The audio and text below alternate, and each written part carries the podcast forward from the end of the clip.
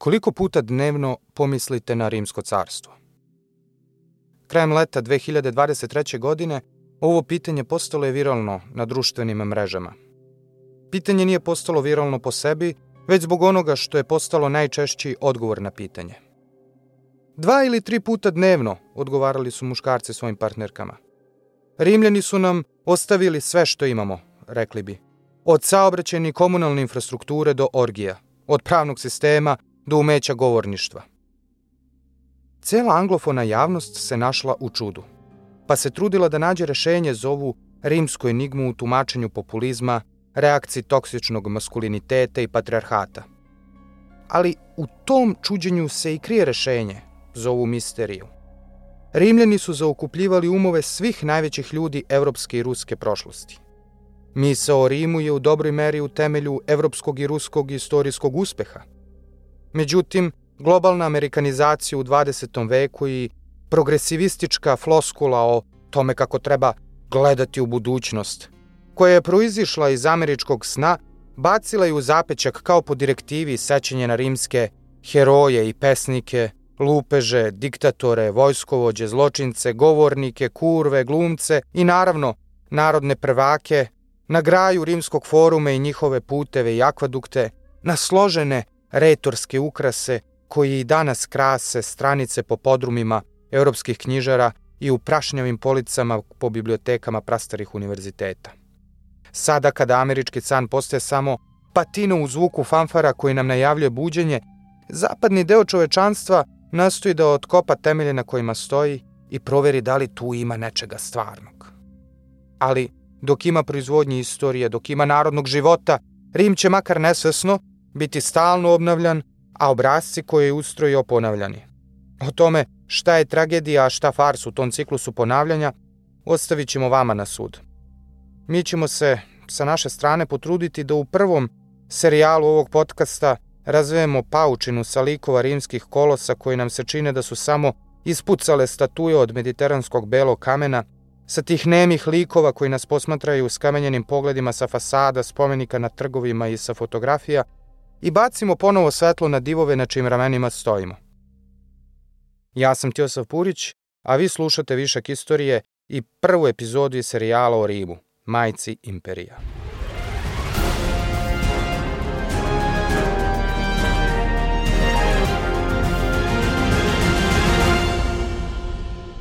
Bilo je to 146. godine pre Hristovog rođenja. U strašnom požaru gorele su dve najveće luke antičkog sveta. Posle trogodišnje opsade, plamen je gutao Kartaginu, feničansku koloniju na teritoriji današnjeg Tunisa, koja je vekovima bila najveći takmac Rima na zapadnom sredozemlju i u tri ogorčena rata pokušala da stane na put jačanju nekada malog grada na sedam brežuljaka na obalama Tibra.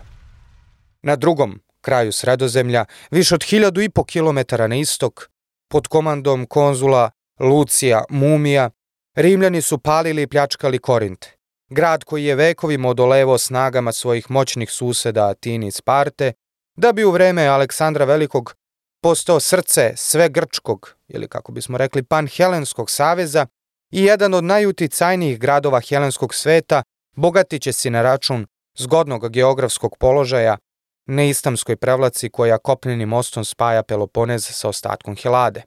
Ta dva događaja koja su se odigrala u jednoj godini, pad Kartagina i pad Korinta, pokazali su nesumnjiv uspon moći Rima. Rimsko čudo već vekovima je inspiriše akademike i zaljubljenike, državnike i umetnike, ali je svakako najveće ime među onima koji su zaljubljeni u rimsko čudo ostavili, rimski pesnik Horacije bi rekao, spomenik trajniji od bronze, Ime helenskog državnika, diplomate, putnika, istraživača i istoričara Polibija. Karijera ovog istoričara nam govori o snazi privlačnosti rađajuće imperije u srednjoj Italiji. Polibije je rođen između 210. i 200. godine pre Hrista u Megalopolju u Arkadiji, u Grčkoj dakle, i rano je postao, zahvaljujući svom uticajnom ocu, jedan od prvaka Ahajskog saveza koji je okupljao helenske gradove na severu Peloponeza. Sa manje od 30 godina, suprotno birokratskim pravilima Ahajskog saveza, Polibiju je dodeljeno da bude član zvaničnog poslanstva Ahajskog saveza u Egipat. Ahajski savez je u to vreme bio saveznik sa Rimljanima, budući da nije postojao način, bilo kakav drugi, da svoju krhku neutralnost održi. Međutim, nakon rimske pobede nad makedonskim kraljem Persejem 168. godine pre Hrista, Ahajski savez je zbog stava pojedinih svojih prvaka prema ishodu rata između Makedonije i Rima bio primoran da pošalje hiljadu talaca u Rim. To je bilo u ostalom praksa koja je praktikovana u antičko vreme, ali i dosta dugo u srednjem veku, pa delimično i u savremeno vreme. 16 godina kasnije od hiljadu Ahajaca koji su kao taoci poslati u Rim, ostalo je njih 300, kako svedoči grčki geograf i istoričar Pausanija, i tih 300 je pušteno na slobodu pošto su odslužili svoje vreme kao jemstvo za mir između Aheskog saveza i Rima.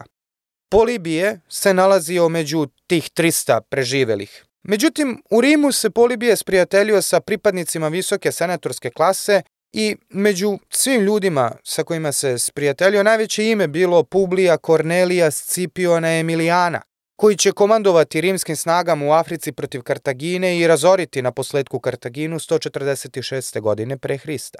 Upravo to prijateljstvo sa Scipionem Emilijanom je spasilo Polibija posledica kada čini određene političke ispade koji nisu bili, da se razumemo, nimalo naivni u očima Rimljana. Naime, Polibije je pomogao bekstvo Demetrija, sina sirijskog kralja Seleuka IV. Filopatora, koji je u Rimu bio talac, a po bekstvu postao kralj Sirije Demetrije I. Soter.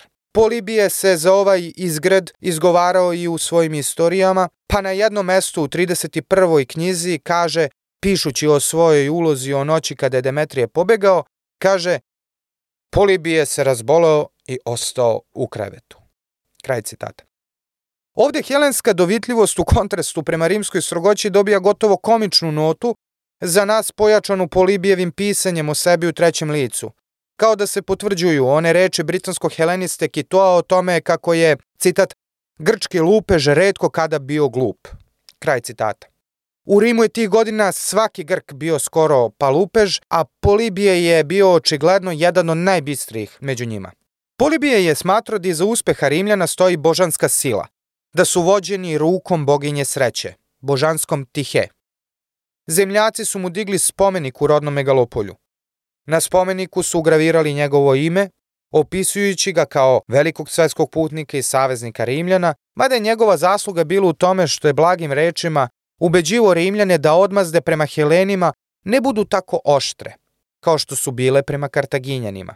Sa druge strane možemo reći da se Polibije doslovno zaljubio u svoje tamničare, utoliko pre što je njihov uspeh tumačio božanskim proviđenjem. U svojim istorijama Helen Polibije kaže I sam sam mislio da mi je iz više razloga dužnost da slušam Rimljane.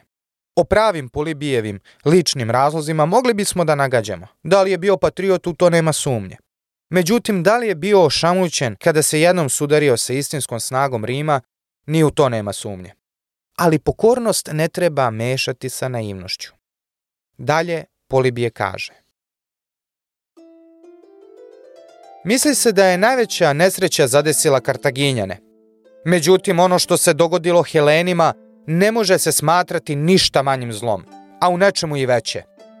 Naime, Kartaginjani su budućim generacijama ostavili malu mogućnost da ih brane, a Heleni nisu pružili ni jedan dobar povod onima koji žele da se za njih založe i opravdaju ih za počinjene greške.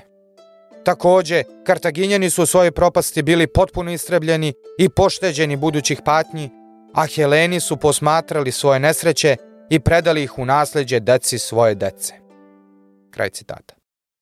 Srbi su u svom istorijskom iskustvu već jednom saželi ovu istorijsku logiku rečima bolje grob nego rob. Jer dok su Kartaginjani bili zloslutno ime u sećanju Rimljana, ostavivši trag u rimskim poslovicama, kao što je ona Hannibal pred vratima, koji označava neposredno opasnost sa kojom se sučeljavaju, dotle su Grci sa svojom kulturom bili fabrika snova za Rimljane, zanosni svojom filozofijom i putenostima lagodnog života, koja je bila duhu Rimu strana koliko privlačna, naročito višim klasama, koje je pripadao i malo pre spomenuti Scipion Emilijan. Kartaginjani su mrtvi pohodili košmare svojih dušmana, a Grci bili živi, ali robovi u rimskim vilama. Jedan od sinonima strogog rimskog morala i apostol moralne panike koja je hvatala pojedine slojeve rimskog društva u drugom veku pre Hrista, Katon Stariji, vatreno je govorio protiv Kartagine, vešto dozivajući sećanje na slavne dane punske države sa severnih obala Afrike. Jednom prilikom, Katon Stariji je donio u rimski senat lepu i veliku libijsku smoku i pustio da padne na pod. Kada su se senatori stali diviti tom plodu, a ovde treba razumeti da kada kažemo Libija mislimo na Severnu Afriku, Katon Stariji je svojim sunarodnicima predočio da je to smokva iz kartaginskog uzgoja i da je zemlja koja donosi takve plodove udaljena samo tri dana plovidbe od Rima i da u budućnosti može predstavljati opasnost kao što je to bila i u prošlosti. Svaki govor o bilo kom pitanju Katon Stariji je završavao kultnim rečima. A moje mišljenje je i to da Kartagina ne treba da postoji. Kraj citata.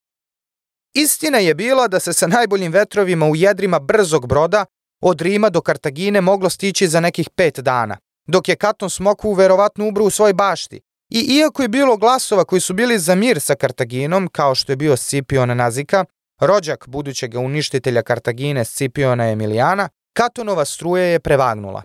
Navodno zato što je Kartagina prekršila mir kojim je okončan drugi punski rat, pošavši u boj protiv kralja susedne Numidije Masinise.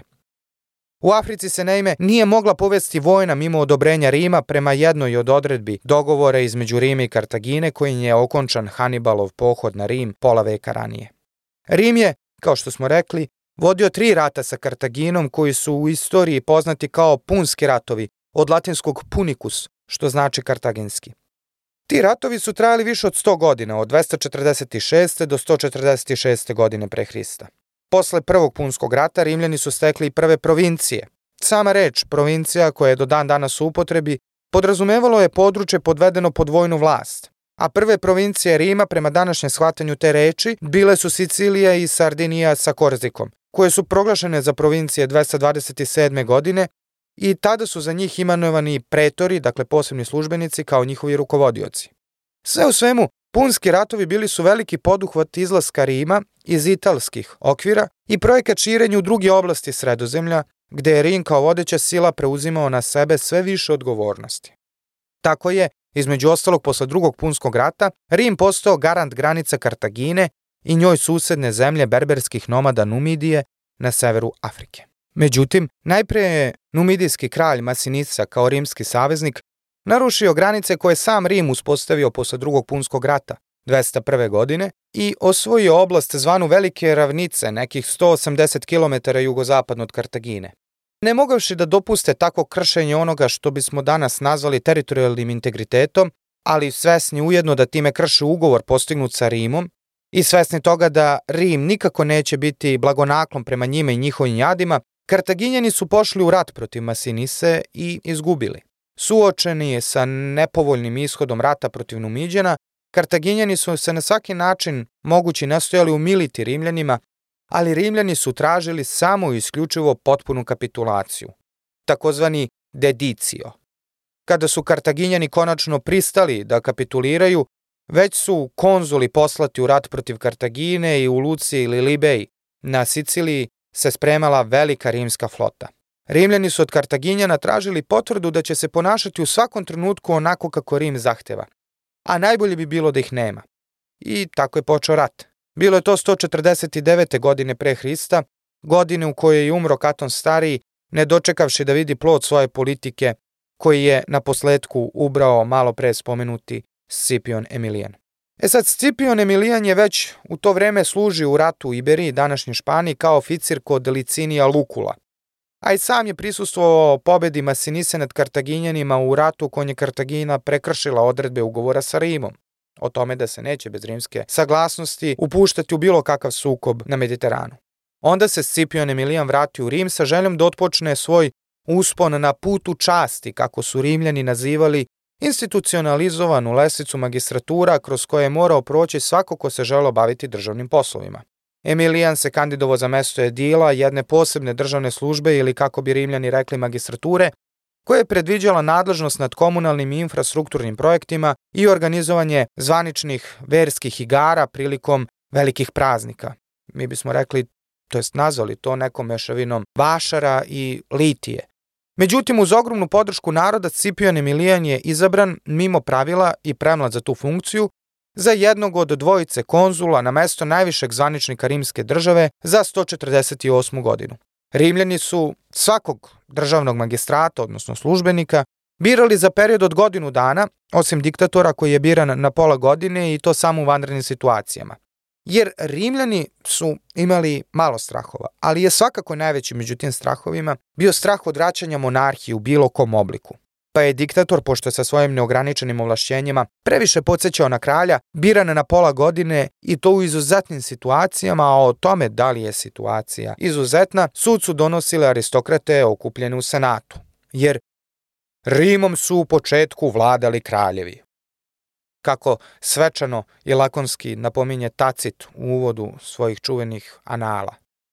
Na pojedinačne kraljeve ćemo se vratiti kasnije, ali ovde treba spomenuti poslednjeg rimskog kralja Tarkvinija Oholog. On je bio jedan od etrurskih kraljeva koji su vladali Rimom. Na vlast se uspeo zločinom prema prethodnom rimskom kralju Serviju Tuliju, čiju je čerku oženio i zajedno sa njom organizovao ubistvo Servija Tulija, prethodnog rimskog kralja, i otvoreno se pobunio protiv njega, što je bilo još strašnije. Evo kako Tit Livije, čuveni rimski istoričar, opisuje vladavinu Tarkvinija Oholog.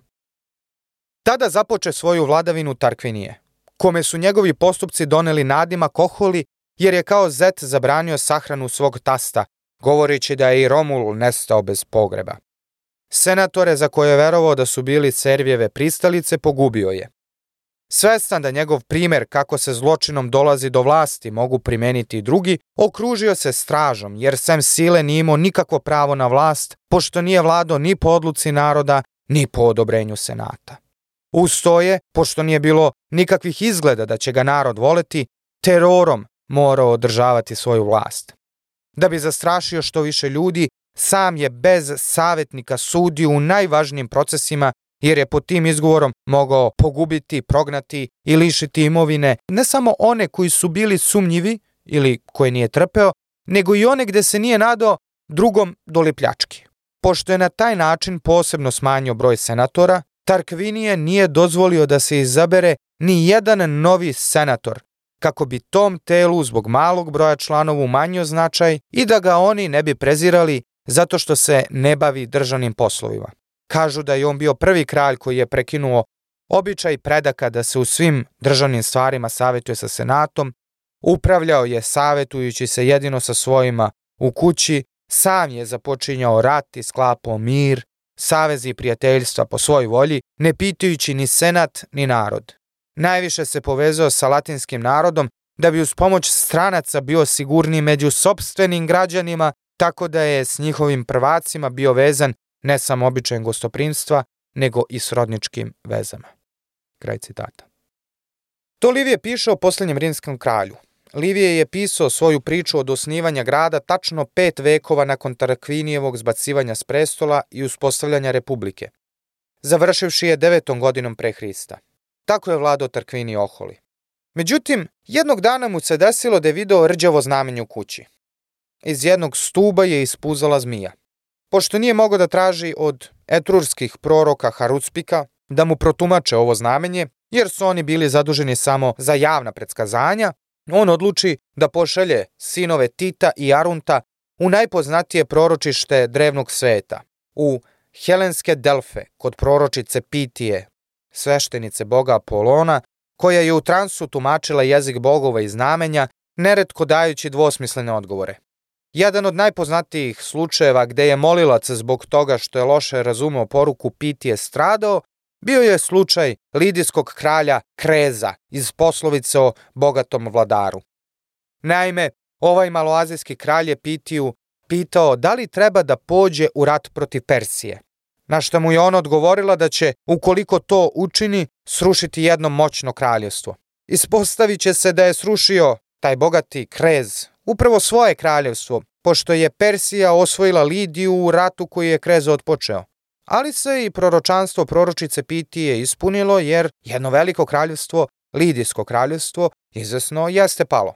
E slično su prošli i Tarkvinijevi sinovi koji su sa sobom na put u Delfe poveli Lucija Junija, sina kraljeve sestre, koji se pravio glup pa je pono nadimak Brutus, što znači tupav.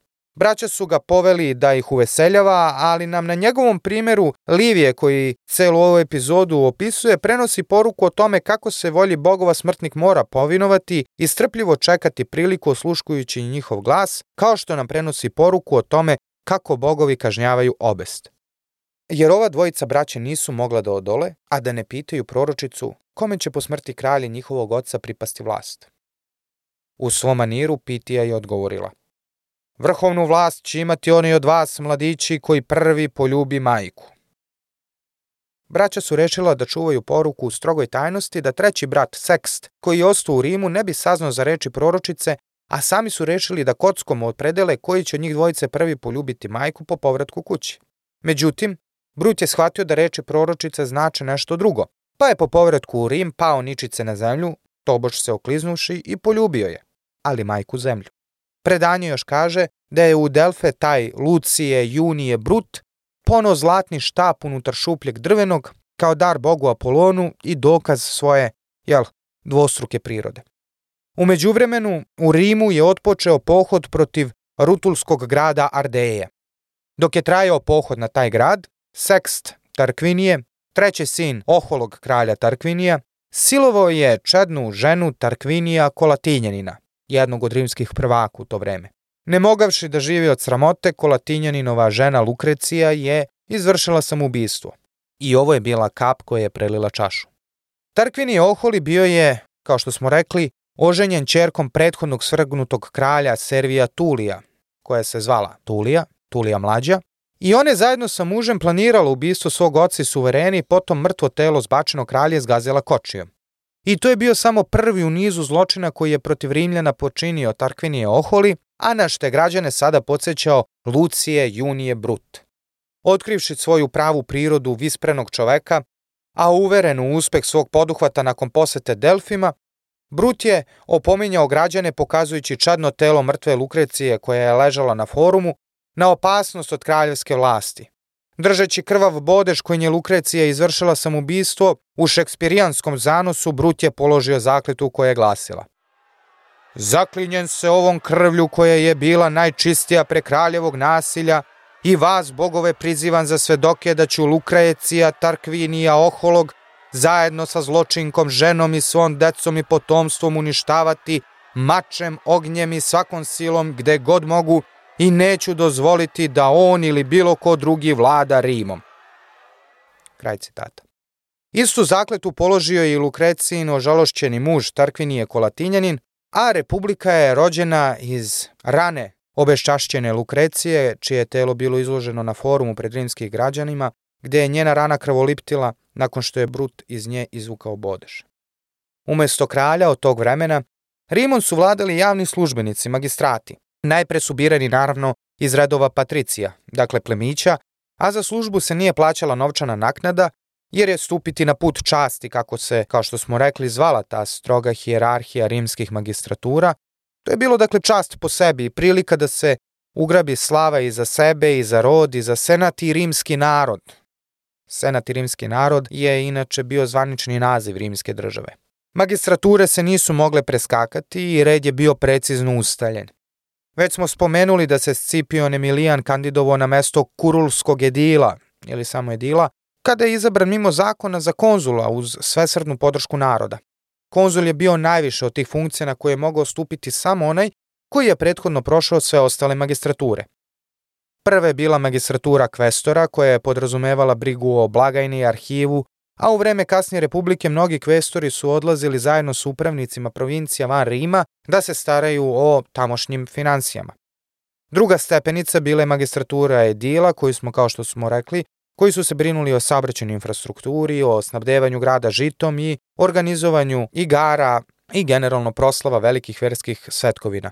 I ovo je bila zgodna služba za mlade i ambiciozne Rimljane, dakle ova edilska služba, jer dok je sa jedne strane nedostatak žita koji bi se delio gradskoj sirotinji mogao da se obije o glavu mladim ambicioznim patricijama, jer bi se krivica mogla lako shvaliti od strane gradskog plepsa, gradskog naroda, ne dile koji su za raspodelu žita zaduženi, sa druge strane ipak organizovanje tih velikih svetkovina i igara, kada su neki veliki praznici, donosilo je prestiž i viđenost među građanima Rima, a ti građani će se na posledku, dakle, sliti u skupštine i glasati za izbor svakog magistrata u sledeće zvanje.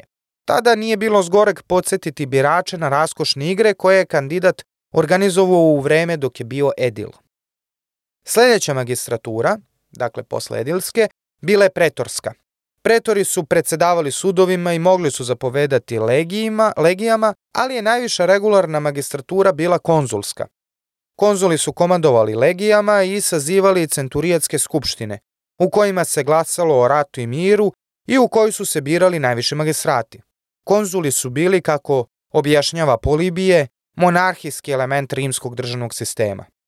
Polibije je inače bio zadivljen rimskim državnim sistemom i predstavljao ga kao setljiv splet, kako bismo danas savremenim rečnikom rekli, kao setljiv splet mehanizama uzajamne kontrole, pa je tu senat bio aristokratski element, narodne skupštine demokratski, a konzuli monarhijski element tog rimskog državnog sistema.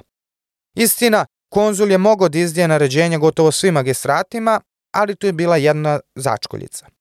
Svim magistratima je bio nadređen konzul, osim magistrata plebejskih čuvenih narodnih tribuna, koji su birani od strane plebejaca i koji su mogli da predlažu zakone i imali pravo veta, to jest zabrane bilo koje magistratske, zakonske ili senatske odluke koja bi išla na eventualnu štetu naroda, ako tako proceni Narodni tribun. Narodni tribuni su bili posebna vrsta magistratura rođena iz dugotrene borbe između patricija i plebejaca i na posledku rezultat uspeha plebejaca. Kovanica kojom je imenovana rimska država glasila je senat i rimski narod. E u tom narodu se odigrala ona drama koja nam je i dala povoda da govorimo o epohi rimskih građanskih ratova ili, kako bi neki drugi rekli, rimske revolucije. Jer kako kaže Ciceron, ništa nije bilo nepouzdanije od naroda, ništa nedokučivije od narodnih želja, ništa podesnije za osujećivanje planova od čitavog sistema glasanja. Narod se okupljao, naravno u skupštinama, gde je sistem bio takav da su najbogatiji imali presudnu ulogu. Ali pravi izraz volje naroda bio je u političkoj težini narodnog tribuna. Ubiti narodnog tribuna bilo je svetogrđe, uvreda bogova. Ali sa druge strane, narodni tribun je imao gotovo savršenu poziciju za prljavu političku igru. Nije smeo da napušta grad tokom godinu dana obavljanja dužnosti, mora je da odgovara i sastaje se sa svim moliocima koji bi ga povukli za togu, More da čita grafiti ispisane po uskim rimskim uličicama preko kojih je gradski plebs sugerisao svoje želje narodnim tribunima, ali to su bila otprilike sva ograničenja koje je narodni tribun imao. Šta više, neki tribuni su išli toliko daleko da su oponašali naglasak najsiromašnijih četvrti da bi se umilili svojim biračima. I tako su se na kraju krajeva i rodili populari, to jest oni političari koji su se oslanjali na podršku naroda, a protiv volje senata i bila je to stihija jedne nove političke moći koja će od vremena braće Grah, o kojima ćemo brzo pričati, koja je dakle zapalila iskru te rimske revolucije. Što se senata tiče, od vremena spomenutih punskih ratova između Rima i Kartagine pa do vremena braće Grah, senat je snažio svoju ulogu.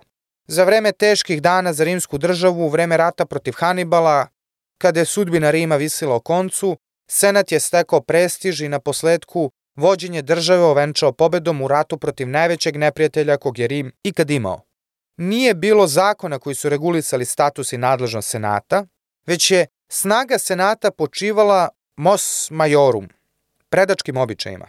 Sto godina pre vremena braće Grah, dakle negde sredinom trećeg veka pre Hrista, Rimom je vladalo svega dvadesetak porodica. Jedna od poznatih i uticajnijih porodica u to vreme bila je porodica Cecilija Metela, koji su generacijama držali pregršt magistratura.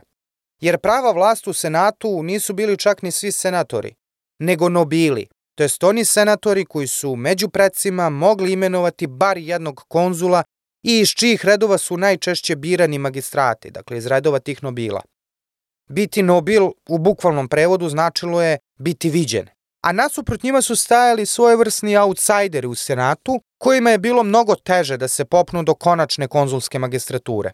Sve u svemu, budući da je spoljna politika spadala pod delokrug senata, a da je Rim sa širenjem svojih teritorija i uplitanjem u međunarodne odnose, naročito među složenim sistemom odnosa kakav je postojao među helenističkim monarhijama na istoku sredozemlja.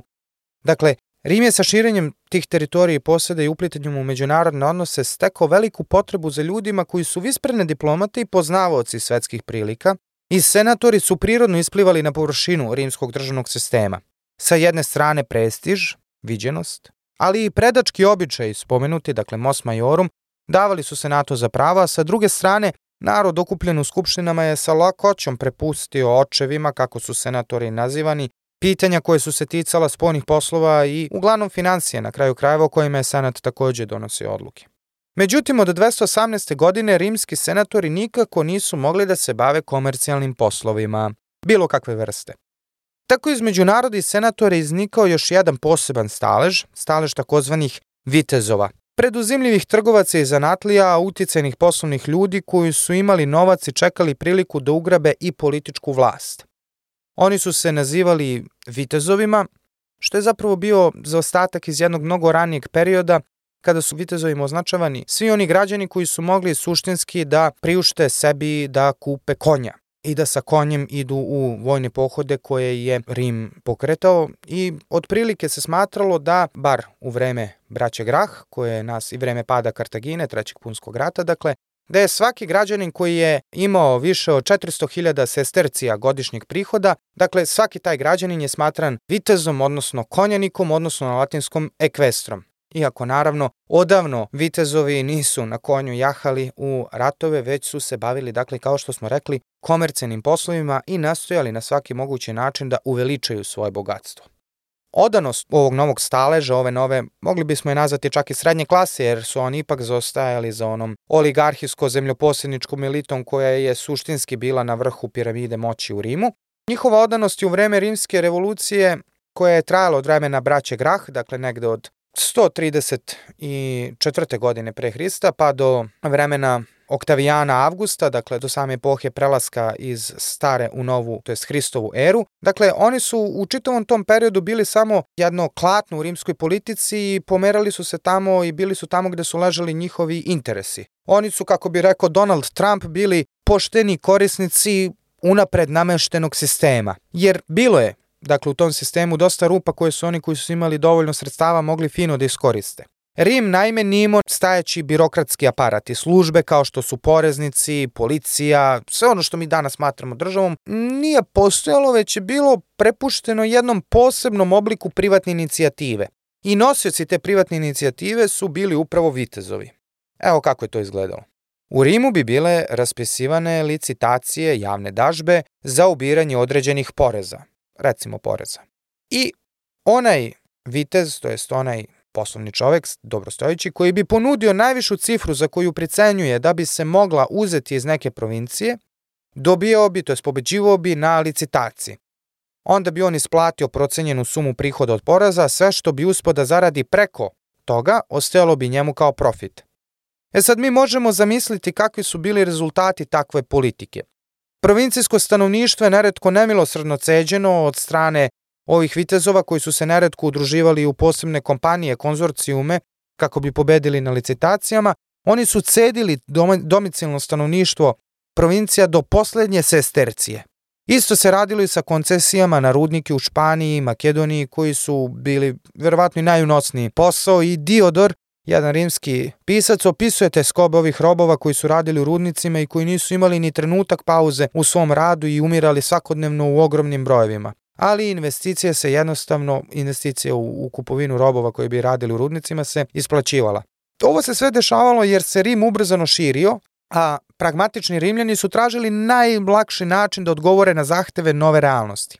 Ovi javni preduzetnici ili kako bismo rekli perjanice tog rimskog javno-privatnog partnerstva nazivani su publikanima. I oni su se pojavili najpre u drevna vremena kao institucija sa zaduženjem da se staraju o svetim guskama koje su spasile Rim. Kako su istovremeno bili i rimljani bili i pragmatični i tradicionalisti, oni su eto jednostavno publikane sada, to jest te vitezove institucionalizovali kao publikane a guske koje ovog puta nije trebalo čuvati nego daviti bili su svi oni narodi koje su Rimljani u svojim pohodima osvajali i potom ih preko dakle tih publikana cedili do posljednjeg, do posljednjeg, mi bismo rekli, dinara.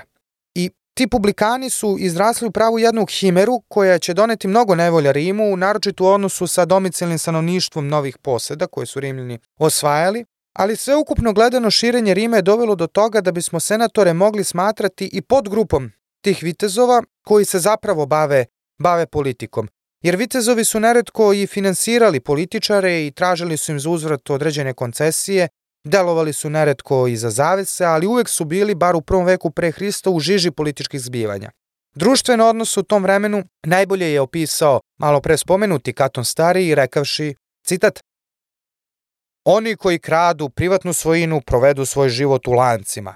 Oni koji kradu javnu svojinu u bogatstvu i luksuzu. Kraj citata. A kad smo kod bogatstva i luksuza, ne možemo ne spomenuti Scipiona Emilijana.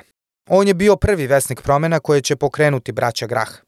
Najpre njega su skupštine izabrale za konzula mimo ustaljenog reda.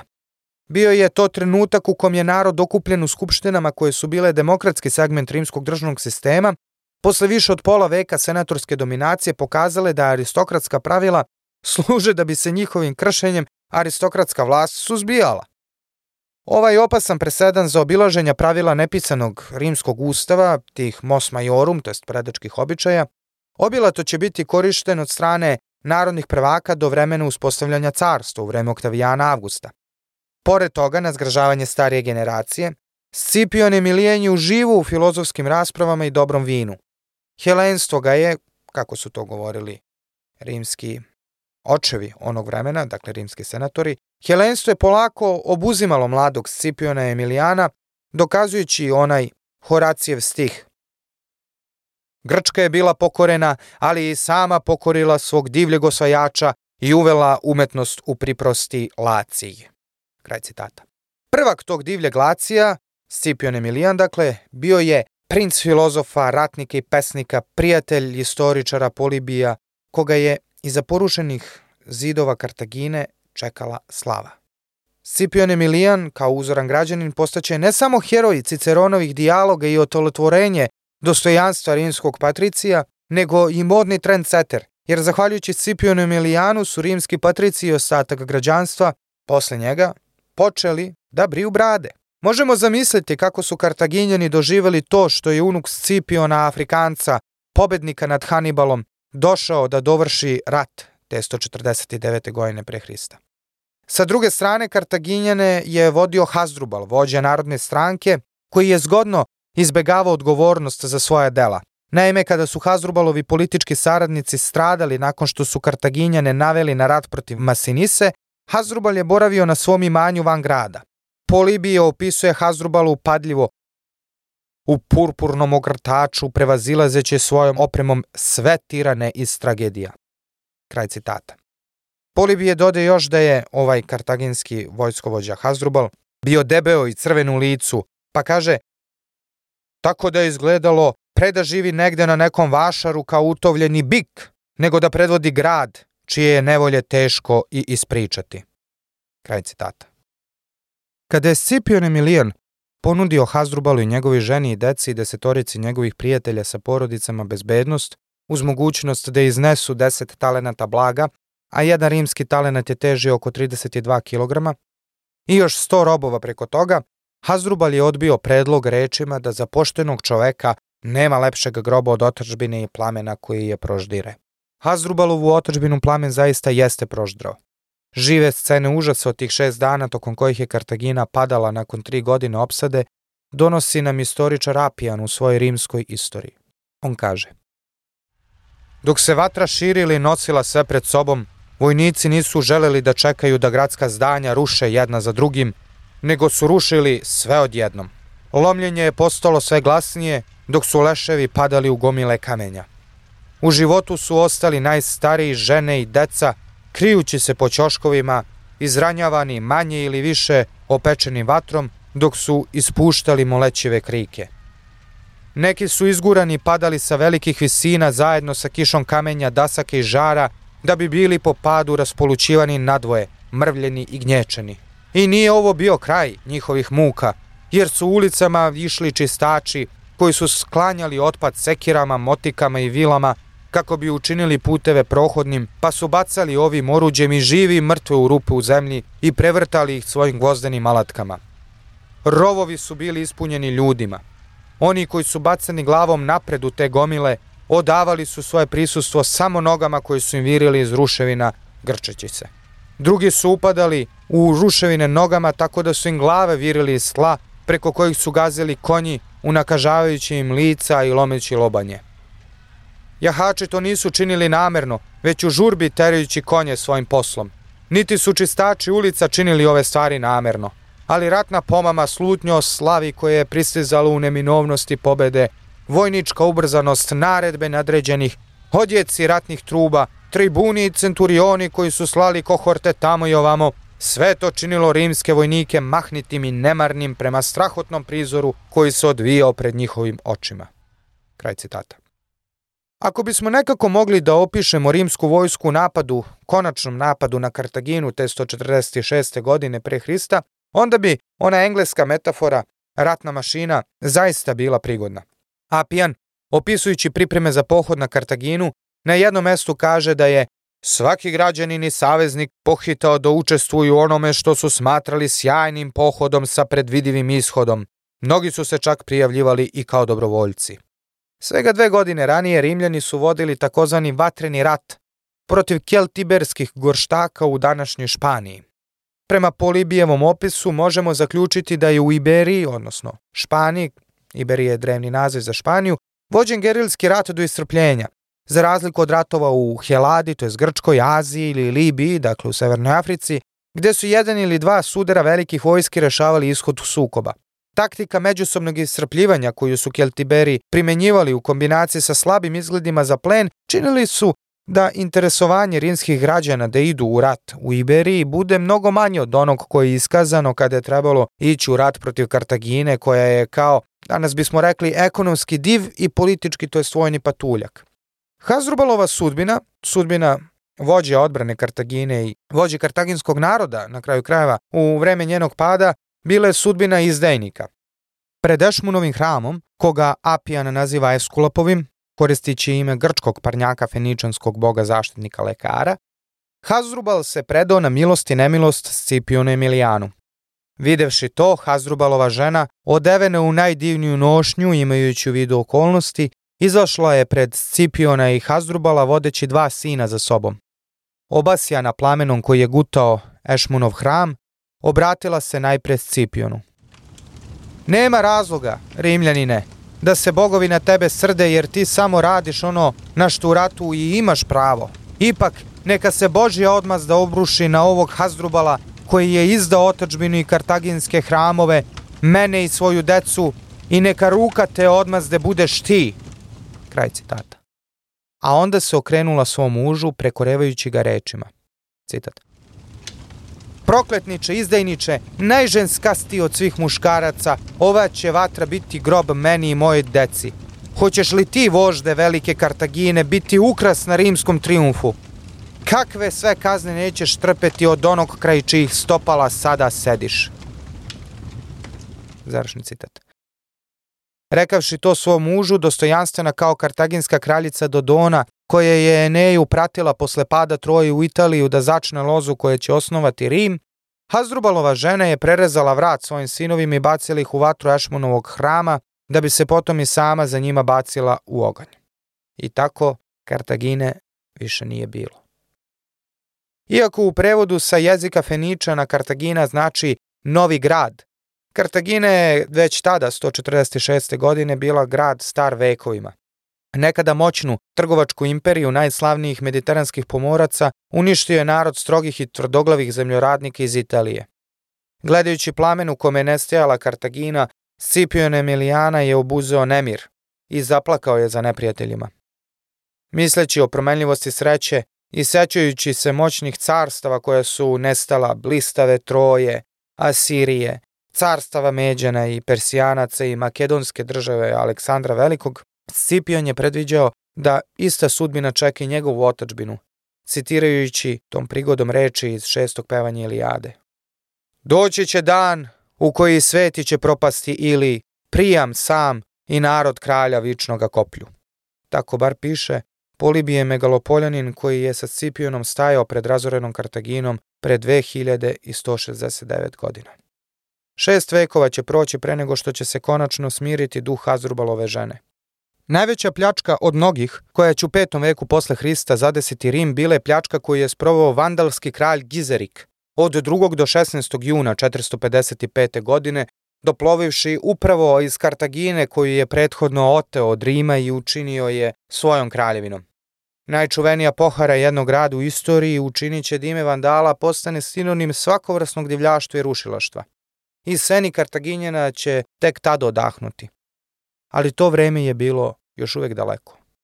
Rim je 146. godine pre Hrista bio na vrhu sveta. Te godine je pored Kartagine pao i udaljeni Korint.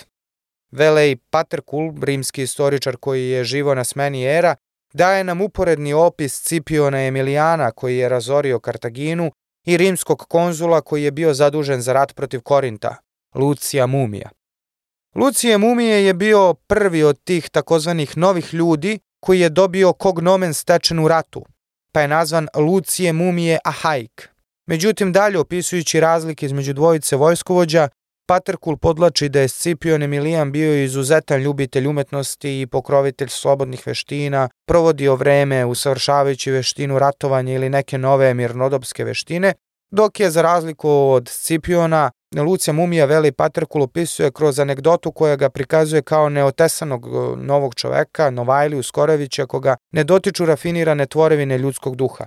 Naime, ugovarajući prevoz opljačkanih umetničkih dela iz Korinta u Rim, Lucije Mumije je upozoravao prevoznike da vode računa o umetninama, jer će u slučaju oštećenja morati da nabave nove primerke.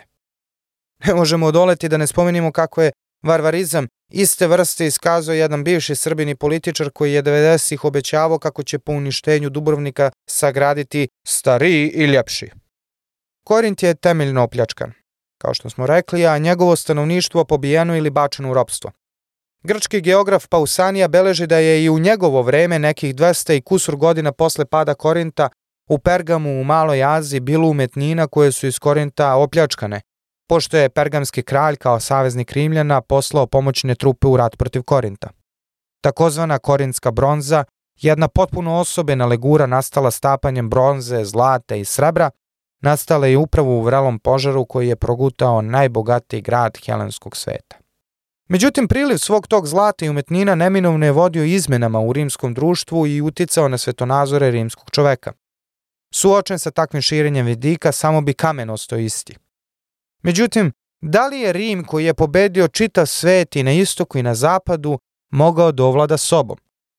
Velej Patrkuli je opisujući Scipione Emilijane i Lucija Mumija mudro opazio, naravno sa naknadnim iskustvom, razliku između vesnika dva potpuno različita ustrojstva koje će se u narednom veku sudariti i stvoriti epohu rimskih građanskih ratova ili rimske revolucije. Dakle, sa jedne strane je bio Scipion Emilijan, izdanak ponosne loze rimskih aristokrata, a sa druge strane je bio Skorović Lucije Mumije i jedan novi čovek, što je značilo otprilike da se nije mogao pohvaliti da je među svojim predsima imao i jednog izabranog konzula. I ovo će biti na neki način, iako se ovo poređenje ne može prihvatiti apsolutno, ali ovo, on, njih dvojica će zapravo predstavljati paradigmu dve struje koje će se međusobno sukobljavati, dakle i dovesti do rimskih građanskih ratova, odnosno rimske revolucije. A u prirodi rimskog društva, njegovoj skamenjenosti rečito govori i njegova religija i najviše običaji, takozvani mos majorum, koji su služili istovremeno umesto pisanog ustava i običajnih normi. Rimska religija bila je u izvesnom smislu mnogo starija od grčke, sa ritualima koji su sezali u daleku prošlost evropskog kontinenta kada su bogovi još bili mladi, a heroji tek deca. Polibije nam u šestoj knjizi svojih istorija, pored slike rimskog državnog uređenja, koje smatra idealnom kombinacijom monarhističkog, aristokratskog i demokratskog uređenja, donosi i sliku, ne bez razloga, rimske sahrane, takozvana pompa funebris. Kada bi se neki viđeniji građanin upokojio, bio bi nošen na stolici, u sedećem položaju, do rostre na rimskom forumu, a to je velika platforma koja je služila kao podijum za govornike. Za pokojnikom, koji bi bio nošen uspravljen u stolici, išla bi povorka u kojoj bi svako nosio masku pokojnikovih predaka. Jer svakom patriciju, svakom rimskom plemiću bi na samrtnom odru izlili masku od voska koja bi savršeno oslikavala oblik i crte lica preminulog. Te maske su se čuvale u posebnom kućnom hramu. Nošene su u samrtnoj procesiji i činile su da u samrtnom času čitava jedna porodica bude sjedinjena u momentu slave sa svim svojim precima koji bi evocirao sećanja na velika dela čitave jedne loze, čiji bi izdanci opet likom bili prisutni u posmrtnoj povorci. Dakle, to je bila jedna velika svečanost za Rimljane. Odeća u kojoj bi preminuli bio ispraćan u had, to je u rimskom slučaju kod Plutona, zavisila je od službe koju je preminuli za života obavljao. Ukoliko je preminuli bio pretor ili konzul, bio bi obučen u togu obrubljenu purpurom. Ukoliko je bio cenzor, cela toga bi bila purpurna, a ako je proslavio triumf, bila bi izvezana zlatom. Uz to pred njim su išli i liktori, telesna straža magistrata koji su imali imperium, odnosno ovlašćenja da naređuju i kažnjavaju. Liktori su nosili fasce, to je snopove pruća u koje bi bila udenuta sekira, kao simbol kapaciteta preminulog bivšeg magistrata da kažnjava. Ako bi preminuli bio konzul, to jest ako je preminuli bio konzul, onda je pred povorkom išlo 12 liktora, a ako je bio pretor, išlo bi šest, kao što je bio slučaj i kad su bili živi i u službi. Bio je ovo sveti trenutak ne samo za žalošćenu porodicu preminulog, već i za čitav narod. Bila bi to poslednja triumfalna povorka koja bi dopala svakog bivšeg magistrata, a ujedno i slavljanje rimskog jedinstva ne samo među građanima, već i živih sa mrtvima. Uz to, rimska religija imala snažno izraženu praktičnu stranu. I savremenom čoveku je svakako taj moment javnosti smrti bio strane, naročito imajući u vidu izvesni tabu koji povodom teme ljudske smrtnosti vlada danas i to naročito na zapadu. Međutim, savremeni čovek bi mnoge rimske prakse nazvao pukim sujeverjem, kao što je u ostalom to praksa takozvanih progresivaca koji sujeverjem nazivaju, na primjer, srpske običaje zadušnica. Interesantno je da su i Rimljani imali svoje zadušnice, na primjer između 13. i 21. februara obeležavale su se takozvane parentalije. Za to vreme, verovalo se, duhovi predaka izlaze iz grobove i lutaju, a na grobove se donose so, hleb umočen u vino i ljubičice. I tokom parentalija rimski magistrati nisu nosili odore, vatra nije gorela u žrtvenicima i nisu se sklapali brakovi. Dakle, ta veza između uh, mrtvih predaka i živih, dakle, Rimljana, je u svakom trenutku živo održavana u rimskoj kolektivnoj svesti i bilo za njih od velikog značaja. Međutim, savremenom čoveku ne samo da bi to bilo strano, bio bi strani rimski, naravno strogi rimski odnos uh, prema dečacima i devojčicama kojima je u detinstvu detinje ponašanje skoro pa zabranjivano i čim bi pokazivali prve znake razumnog rasuđivanja i kakve takve zrelosti, deca bi bila inicirana u svet rimske zajednice senate rimskog naroda, u svet odraslih i u, u tom svetu su svi imali precizno predodređenu funkciju kao jedan dobro podmazan mehanizam. Čovek bi tek u starosti smatrali su Rimljani dosezo vrhunac svog života i o tome svedoče i brojne skulpture Rimljane iz drugog i prvog veka pre Hrista. Taj stil koji je vlada u prvom i drugom veku pre Hrista naziva se hiperrealističkim iako je to zapravo bio idealizovani prikaz Rimljana koji su bili naboranog lica, strogog pogleda, najčešće potpuno ćelave glave. Senat koji je okupljao najbolje izdanke društva, kao čisto aristokratsko telo, naziv je dugovo reči senex, što znači star. Deca, dok su mala, jednostavno rečeno nisu bila od koristi zajednici. Ali u toliko briga o njima bila veća, ne smemo zamišljati Rimljane kao neke ljude hladnog srca i, i, i kamene, već upravo ljude koji su posveđeni dobrom odgoju dece. Jedan od velikih izazova za svakog oca porodice bio je da podigne dostojnog građanina. Kako je to rekao Katon stariji svom sinu, kada se oženio pod stare dane, kaže, želim ostaviti za sebe još takvih sinova, a za otačbinu takvih građana. Kraj citata. Ne treba sumnjati da je naravno Katon stari verovatno bio i zaljubljen u dosta mlađu devojku kojem se oženio, ali je izvesno da je sigurno želeo da ostavi još svog poroda i svoje, još pripadnika svoje loze Rimu, jer je na kraju krajeva svi katoni su u Rimu bili pomalo zaljubljeni u sebe i nasleđe svoje porodice. Jer je sin na kraju krajeva bio i ponos očeve loze i sluga otačbine. I takvo ponašanje bilo je i drago bogovima, smatralo su u Rimu. Otac se Takođe nije zgorek da podsjetimo, u Rimu morao slušati bespogovorno. On nije bio samo otac porodice, dakle pater familijas, već i sveštenik domaćeg kulta koji je posjedovala svaka kuća, opet evo neke sličnosti sa Srbima, dakle sa slavama, i koji je bio nezavistan od javnih religijskih kultova, dakle taj domaći kult, jer su o njemu starao otac porodice, dok su se o javnim religijskim kultovima starali sveštenici koji su bili u domenu državne nadležnosti, koji su dakle posebno birani za tu funkciju. A ognjište oko koga se okupljala porodica bilo je svojevrsni oltar i žrtvenik porodičnog kulta koji su uglavnom sačinjavali lari i penati, duhovi predaka i geniji. To su bili nešto kao anđeli čuvari svakog pojedinca i tim duhovima se prinosila žrtva u vidu svakodnevne hrane ili cveće tri put mesečno. Dakle, to je bio jedan posebno složen mehanizam rimske, kako bismo rekli, kućne ili privatne religije.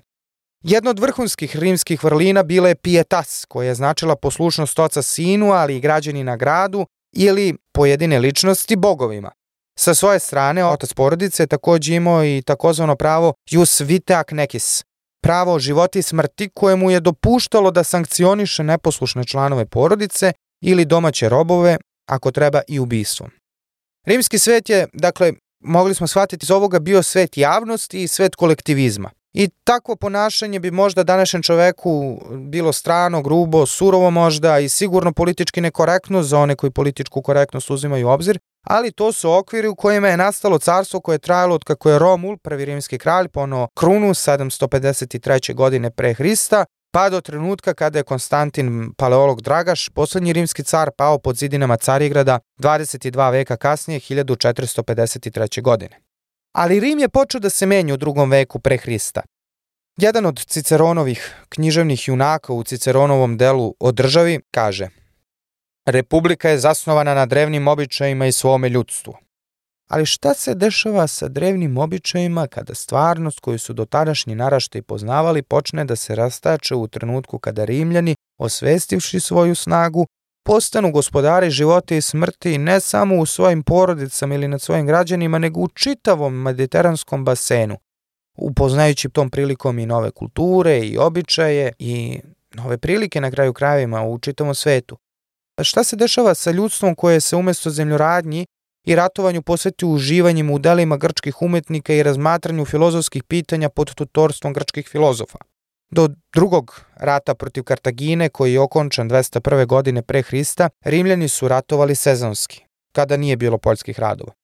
Vojska je mahom bila sastavljena od građana, zbog čega Polibije, objašnjavajući razloge rimske pobjede nad Kartaginom, kaže Kartaginjanima sloboda uvek zavisi od hrabrosti najamnika, a Rimljanima od sobstvene hrabrosti i pomoći saveznika. Kraj citata. Međutim, već posle rata protiv Hanibala, dakle posle okončanja drugog rata protiv Kartagine 201. godine pre Hrista, postalo je uobičajeno da vojnici ratuju više godina van kuće. Time se ubrzao proces profesionalizacije vojske koji je vodio između ostalog ka sukobu i građanskim ratovima koji odjekuju naše vreme, donoseći nam priče o Gaju Mariju i Korneliju Suli, Gneju Pompeju, Juliju Cezaru, Krasu i Spartaku ili Avgustu i Marku Antoniju. Jer vojska, ne treba to gubiti iz vida, duguje poslušnost onome koje naoružava i plaća. Ali to naravno ne mora nužno da bude država. A kada je plaćaju ljudi kakvi su bili rimski prvaci u prvom veku pre Hrista, e, građanski rat je onda skoro pa neminovnost. Opet tu srećemo upadljiv primer Cipiona Emilijana koji je postavio opasan presedan regrutujući vojsku od svojih klijenata. Ali o svim tim vojskama i profesionalizaciji vojske ćemo još kasnije govoriti Ono što je Scipion Emilijan uradio bilo je u izvesnom smislu i dosta specifično, budući da je regrutovao vojsku od svojih klijenata. E, odnos klijenata i patrona bio je veoma osetljiv odnos u Rimu, koji je na izvesni način držao rimsko državno ustrojstvo na nogama. Navodno, kako objašnjavaju stari pisci, osnivač Rima, Romul, poverio je plebejce, dakle narod na staranje patricijama, to jest plemstvu. I u tom odnosu patriciji su bili patroni, a plebejci su bili klijenti. Patroni su pružali finansijsku i pravnu pomoć, a klijenti su davali kontrausluge koje su mogle biti razne prirode. Na primjer, od klijenata se očekivalo da će glasati za svoje patrone ako se kandiduju na izborima ili da će se odazvati na vojni poziv, kao što je to bilo u slučaju Scipiona Emilijana. Pravna zaštita je naravno bila veoma bitna i bila je po sebi domen patricija i nobila, dakle svi ti pravni advokatski poslovi, jer se za nju sa jedne strane nije plaćala cena, tako da je to bila, kako bismo rekli, skupa rabota, nego se davo neki poklon ili oblik pozajmice koji se nikada naravno ne bi vratio i to bi bila papreno visok poklona. Sa druge strane, zakonodavstvo je postojalo sve zamršenije i time dostupno samo obrazovanim pripadnicima visoke klase. E, klijenti koji nisu mogli da dakle, priušte sebi plaćanje, to jest davanje izuzetno visokih e, poklona svojim pravnim zaštitnicima, morali su dakle da nađu patrona koji bi im pružao pravničke, to jest advokatske usluge, a za uzvrat su oni čekali na trenutak kada će od njih biti zatražena kontrausluga. Ono što bismo mi u skladu sa e, zapadnoevropskim čistutskim zakonodavstvom nazvali korupcijom, bile suštinski kišma Rima, koja je ušla i u prvi pisani zakon Rima, takozvani zakon 12 tablica, koji kaže proklet bio onaj patron koji povredi svog klijenta. I kroz mnoge vekove možemo sretati zakone koji štite dobrobit klijenata i nalažu patronima da se o njima dobro staraju. Dakle, to je bila jedna od ključnih okosnica rimskog društva. Ali pored profesionalizacije vojske o kojoj smo malo čas pričali, Jedna od velikih promena koja je zadesila rimsku državu i društvo u drugom veku je priliv velike količine novca sa svih strana Mediterana. Na primjer, kada je Katon stariji triumfovao posle uspešnog pohoda u Španiji 194. godine pre Hrista, u povorci je nosio plen od preko 8 tona srebra, 123.000 srebrnih bigati novčića, dakle novčića koji su na reversu prikazivali kočiju koju vuku dva konja, dakle to su bili bigati novčići, za razliku od kvadrigati novčića koje vuče kvadriga, odnosno četvoropreg. Zatim nosio oko pola miliona novčića koje su platili oskanci na ime ratnog plena, narod protiv kog je tada dakle ratovao u Španiji, i nešto manje od pola tone zlata. Livije nam donosi vesti o osvajanjima jednog prokonzula iz roda Scipiona u Aziji protiv sirijskog kralja iz dinastije Seleukida – taj prokonzul se u Rim vratio sa preko 45 tona srebra, 600.000 srebrnih i 140.000 zlatnih novčića. Bilo da se radilo o ratnom plenu, pozajmicama koje su davane drugim državama uz ogromne kamate ili o ubiranju poreza, basnoslovne svote novca dospevale su u Rim. I gde je završavao taj novac?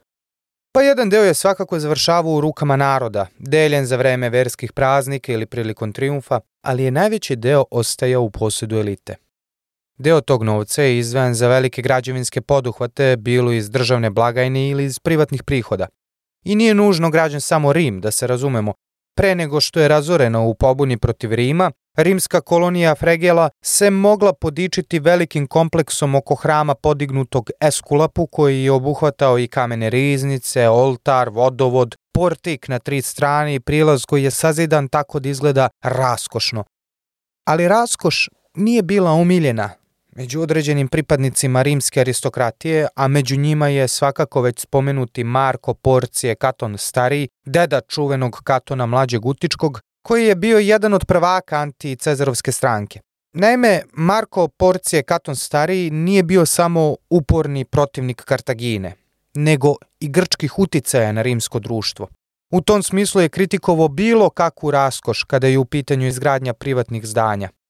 I mada bi ovo bilo znakovito, kao što, na primjer, naš čuveni helenista Fanula Papazoglu opaža objašnjavajući krizu grčkog polisa u četvrtom veku pre Hrista da su privatne građevine bile raskošnije od javnih, za razliku od zlatne epohe petog veka. Međutim, mi vidimo da je u Rimu tada, u vreme dakle Marka Porcija Katona Starijeg, mi vidimo da je u Rimu tada još uvek postojao obzir prema interesima zajednice sudeći po arhitekturi. Veliki kompleks hramova i javnih zdanja Largo Argentine koji je do danas očuvan kao najreprezentativniji deo antičkog Rima u samom gradu, velikim delom je sagrađen upravo u ovoj epohi, kao i spomenuti Eskulapov hram u Fregeli.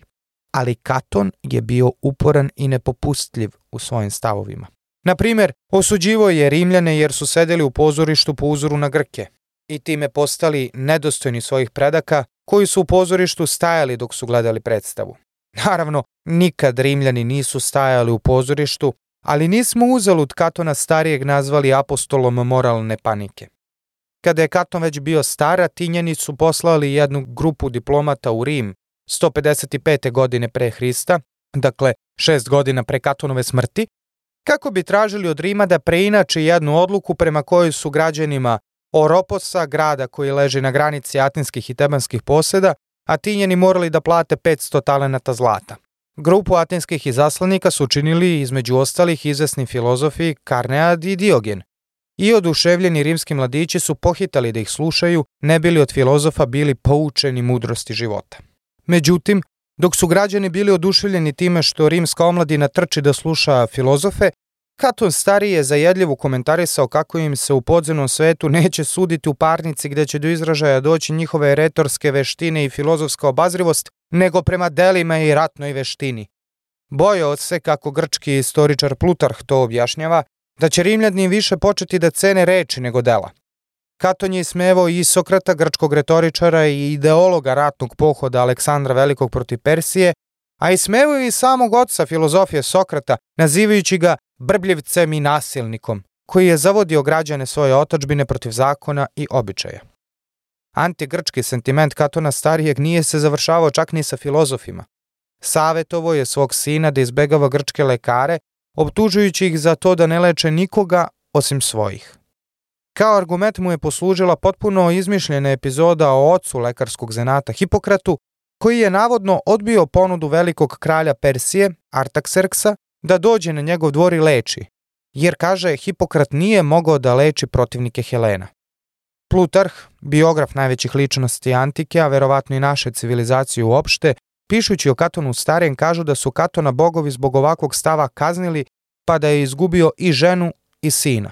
Ali da bismo razumeli rimsku logiku koja je stajala iz ovakvog Katonovog ponašanja, ali i generalno koje je u srži rimskog mentaliteta, moramo dublje prodreti u domen rimske religioznosti jer ljudi su na posledku ono u šta veruju. Već smo opisivali rimsku sahranu koja je imala jedan precizno ustaljen red. Rimska religija je generalno bila religija precizno ustaljenih redosleda u određenoj obrednoj praksi. To je bila religija strogo normirane prakse i jedan od najvećih stručaka za istoriju svetskih religija, Mirča Elijade, piše o rimskoj religiji ovako. Nemetafizičke sklonosti i veoma živo zanimanje religiozne prirode za neposrednu realnost, kako kosmičku, tako i istorijsku, mogu se otkriti veoma rano u stavu Rimljana prema odstupanjima, slučajnostima i novotarijama. Za Rimljane, kao i za seoska društva uopšte, idealna pravilnost ogledalo se u urednosti godišnjeg ciklusa, kao i u redovnom nizanju godišnjih doba. Svaka temeljna promena predstavljala je povredu pravila, a u krajnjem slučaju ona je nosila opasnost da ponovo nastane haos. Kraj citata. Ako se vratimo na primarni egzistencijalni refleks svakog ljudskog bića, a to je refleks da se preživi, potreba za nalaženje hrane, možemo prodreti u samu suštinu razlike između zemljoradničkih društava kakav je Rim i pomorskih kakva je Kartagina, pa ako hoćemo i do suštinske razlike između talasokratskih i timokratskih država čiji je sukob i danas aktuelan. Naime, čovek koji živi od zemlje ukorenjen je u tu zemlju zaviseći od striktnog rasporeda žetve i setve, prinosa i za prinose vezanih radnji. On je odani poklonik reda, smene godišnjih doba i meteoroloških sezoni i tako dalje. Sa druge strane, pomorac svakog dana izlazi na pučinu bez bilo kakve pretpostavke o tome kakav će mu ulov tog dana biti. On je kockar koji mora da improvizuje u onome što bismo nazvali haosom. I ne samo to, kako kažu Homer i mnogo vekova kasnije Šekspir ponavlja, umreti na moru strašno i neprirodno. Dugo vekova, što nam objašnjava francuski sada istoričar Jean Delimot, more će ostati domen straha, izvor greha, ali i primamljiv teren za lukrativne poduhvate raznih vrsta. Rimljani, međutim, nisu bili pomorci. Oni su morali održavati red po svaku cenu. A da bi se taj red održao, morali su se zadovoljiti bogovi. Kako je rimska religija bila zapravo pitanje religija odnosa između ljudi i bogova i definisana formulom daj da ti se da, i kako je prosečni rimljanin bio zainteresovan za, kako Elijade kaže, neposredno, posebno i konkretno, bilo je veoma bitno u svakom trenutku razumeti bogove da bi se njihova volja tumačila i u skladu sa tumačenjem zadovoljila. U tom smislu, svako neprirodno čudo je smatrano narušavanjem poredka i uvodom u haos koji je bio najveći strah Rimljana. Da bi se znaci koji bogovi šalju pravilno tumačili, velika je pažnja posvećivana proroštvu, naravno. Rimljani su snažno poštovali, na primer, malo pre spomenute etrurske haruspike. To su bili proroci koji su čitali znake bogova iz utrobe ubijenih životinja, koje su Rimljani preuzeli od svojih davnašnjih neprijatelja Etruraca, koji su živeli nešto severnije od Rimljana na Apeninskom ili ako hoćete italijanskom poluostravu. Rimski religijski duh se odlikuje pragmatizmom, traganjem za efikasnošću, a naročito sakralizacijom organskih zajednica. Porodice, gensa, odnosno roda, a i otačbine. Slavna rimska disciplina, držanje reči i postojanost, to jest fides, i odanost državi, pobožna vera u pravo, sve se to izražavalo potiskivanjem ljudske ličnosti, pojedinac je bio važan samo u meri u kojoj je pripadao svoj grupi. Tek kasnije, pod utjecajem grčke filozofije i kultova spasenja koji su došli sa istoka, Rimljani su otkrili religijski značaj ljudske ličnosti, kaže Mirče Elijade. Ti kultovi o kojima govori Elijade su već u Ciceronovo vreme ostvarili definitivni uticaj i tu vidimo jedan poseban svet izuzetnih ličnosti, koje se nisu odricali svoje službe zajednici, ali nisu ni sebi uskraćivali mogućnost da se bore za slavu i sjaj. Pa opet, ako bi valjalo voditi računa o nagradama, onda od svega čime se može nagraditi nečija vrlina najveća nagrada jeste slava. Jer jedino slava produžava naš prekratki život u sećanju budućih pokolenja, jedino nam ona daje da nas bude i onda kada nas ne bude bilo, da živimo još i nakon smrti, kaže Ciceron u svojoj besedi u odbranu Milona. Međutim, Početkom drugog veka pre Hrista u Rimu je godišnje pristizalo oko 8000 robova godišnje, dok su se zbog stradanja Italije u drugom punskom ratu protiv Kartagine Rim punio realno izbeglicama sa čitavog poluostrava.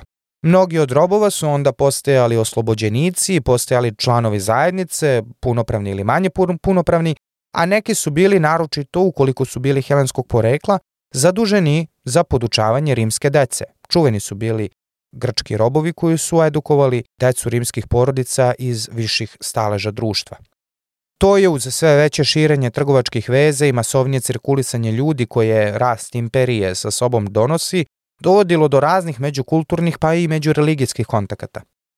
E kako se širom sredozemlja u četvrtom veku pre Hrista, naročito urbanim centrima, pojavila potreba za ličnim religijskim iskustvom, mnogi, naročito pojedinci iz viših klasa, odavali su se takozvanim misterijama i misterijskim iskustvima. Rim je morao na neke od tih misterijskih kultova da reaguje i na državnom nivou. Ima teoretičara koji kažu da je način na koji su Rimljani tretirali poštovaoce Dionisa bio najava i predukus onoga što će dva veka kasnije čekati hrišćane. Bilo je to 186. godine pre Hrista i za to su naravno bili krivi Grci. U toj epizodi u kojoj su Rimljani koji su već dotada ovladali jugom Italije, koji je bio poznat kao Velika Grčka i koju su Heleni vekovima ranije kolonizovali, dakle Rimljani su odatle pokupili taj Dionisov kult.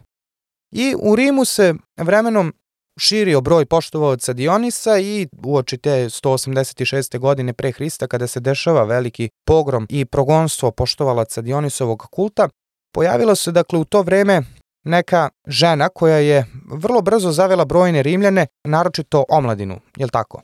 Ona je naročito bila posvećena u tim dionisijskim, to je bahanskim misterijama, ako koristimo ime Dionisovog e, rimskog parnjaka, i kako su sledbenici Dionisovog kulta bili vrlo nezgodni po javni moralu, sledila je jedna prijava tih kultova vlastima, što je konzul odmah obnarodovo i saznalo se da su pripadnici kulta Dionisa, odnosno Baha, radili u tajnosti zakleti jedni drugima da se neće otkrivati, pa su bili optuženi za pederastiju i ubistva kako bi se dokopali para. Kako se spostavilo, bilo je oko 7000 pripadnika Dionisovog kulta. Kada su konačno razotkriveni, rimski istoričar Tit Livije piše da su se bacali u nekontrolisanim pokretima, da su žene raspuštenih kosa trčale ka Tibru i da su nosili u rukama baklje koje su onda potapali u vodu i vadile neugašene jer su te bakle bile, baklje bile načinjene od kraća i sumpora. I za sve to vreme te žene su proricale. E sad možemo zamisliti paniku koja je obuzela uzorne i pristojne građane Rima, koji gledaju žene raspuštenih kosa kako nose neugasivi plameni u delirijumu proriču. Naravno, represalije su bile krvave, ali sam kult Baha nije ukinut, iako iako ni jedna svetkovina posvećena Bahu nije mogla da obuhvati više od pet ljudi i da bude sprovedena bez dozvole senata. To sve pokazuje negde da su Rimljani dobro znali da odmere kada je neki kult vodio kao opasnosti da ugroze samu državu. Sa druge strane, jedan istočnjački kult su Rimljani sami doneli iz Azije u Rim. Bio je to kult frigijske boginje Kibele ili Velike majke, kako je nazivano u Rimu. Frigija je bila oblast u Maloj Aziji i bilo je to u sam suton rata protiv Hanibala 204. godine pre Hrista, kada su Rimljani odlučili da to urade, jer je tako pisalo u takozvanim Sibilinim knjigama. Sa pričom o Sibilinim knjigama koje su dovele jednu azijsku boginju u Rim u vreme o kom govorimo, zalazimo već u domen očaravajuće zagonetnosti koja je tako svojstvena drevnoj istoriji i vraćamo se u vreme rimskih kraljeva. Rimom je, naime, u drevno vreme vladalo sedam kraljeva. Njihova imena ćemo kratko nabrojati. Bili su to Romul, mitski osnivač Rima, kome su jastrebovi prorekli da će Rim trajati 12 vekova, a Vučica ga odgajila. Zatim Numa Pompilije, Tul Hostilije, Anko Marcije, zatim Tarkvinije Prisk, Servije Tulije i na posledku Tarkvinije Oholi o kom smo već govorili. Romul, prvi kralj Rima, je osnovao senat i ubio brata Rema jer je pregazio svete granice Rima, smatrujući da je time sa njegov brat ugrozio svete granice Rima, ali i uvredio bogove, pa je zbog toga, plašeći se da kazna bogova ne padne na građane Rima, Romul odlučio da ubije svog brata Reme i time predupreti bilo kakvu štetu koja bi uvredom bogova od strane njegovog brata mogla biti naneta gradu koji je tek osnovan na obali Tibra. Romul je i od Rimljanima susednih Sabinjana oteo žene, kojih u Rimu nije bilo kada je osnovan, da bi se potom orodio sa sabinskim kraljem Titom Tacijem, upravo zahvaljujući Sabinjankama koje su izmirile muževe Latine i braću i očeve Sabinjane. Ovaj mit koji je prisutan po obliku i u skandinavskim i u drugim mitologijama o otmici Sabinjanki ukazuje na snažni indoevropski karakter rimske religije.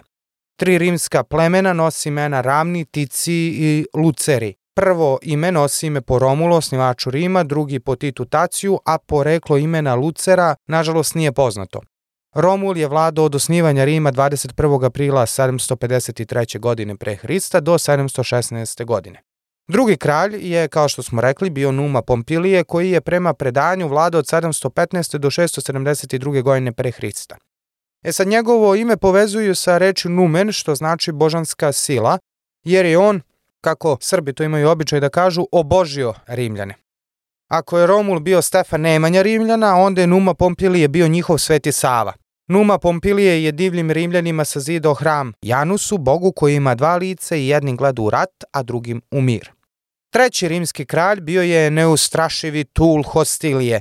On je smatrao da država stari u miru i, kako kaže istoričar Tit Livije, svude traže razloge za rat. Iz njegove vladavine na nje ostala još jedna legenda koja prikazuje odnos Rimljana prema izdaji.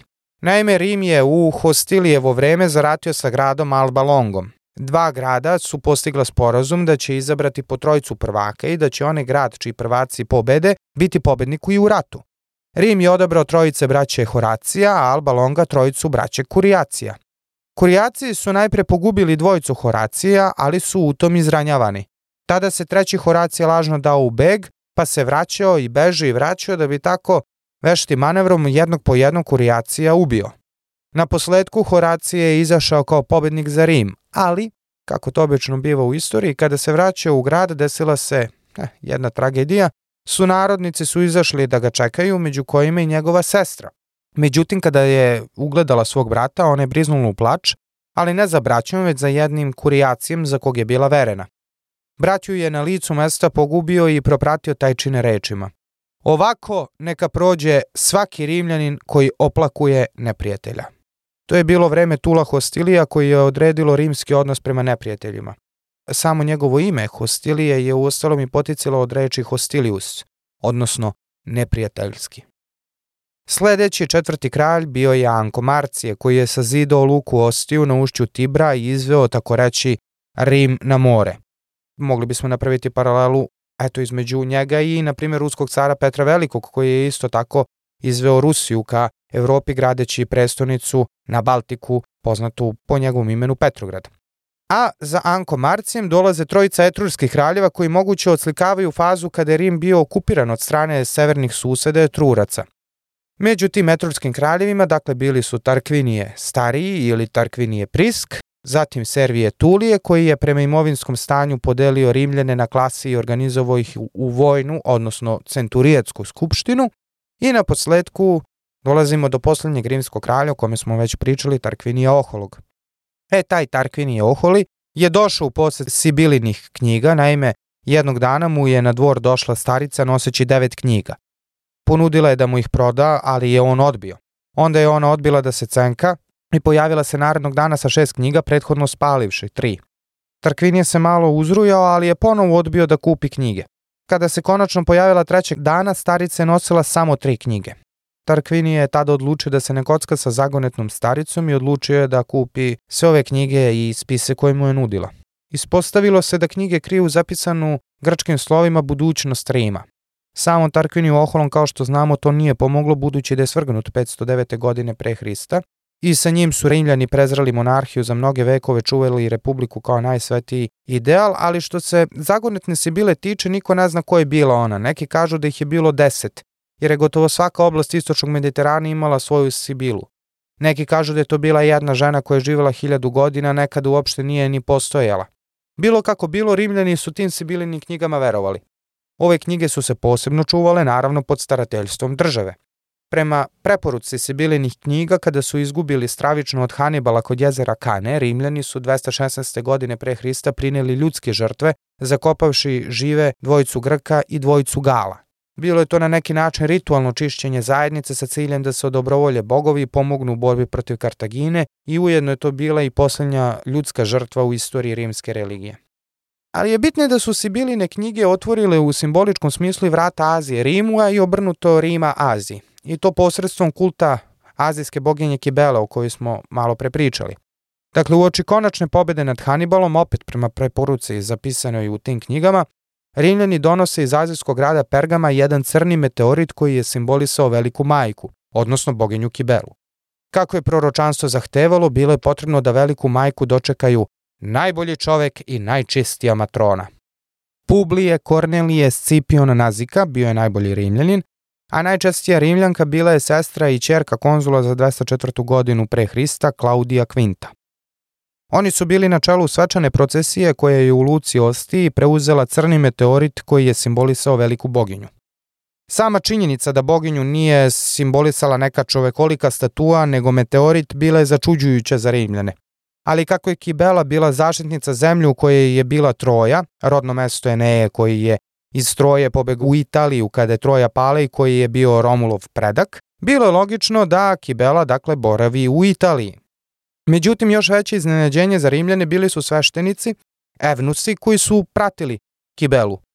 U Rimu je čin kastracije smatran napadom na otačbinu, a Kibelini bučni sveštenici u stoji kastrati bili su potpuno skandalozni za Rimljane, mirišući na sladunjave parfemi i tamjan. Ali rimska aristokratija imala svoje interese na istoku, a uz to, zahvaljujući Eneji, Kibela nije bila strankinja. Rimljani su polagali predačko pravo na drevnu Aziju, odakle je poticao njihov praotac. Kibela je tako postala simbolični most ka istoku gde su ležale moćne helenističke kraljevine koje je tek trebalo pokoriti. Ali je najpre senat podrobno ograničio način na koji se velika majka mogla obsluživati jer je svaki javni kult morao biti naravno u domenu države, a ako je strani u skladu sa mos majorum, to je s predačkim običajima.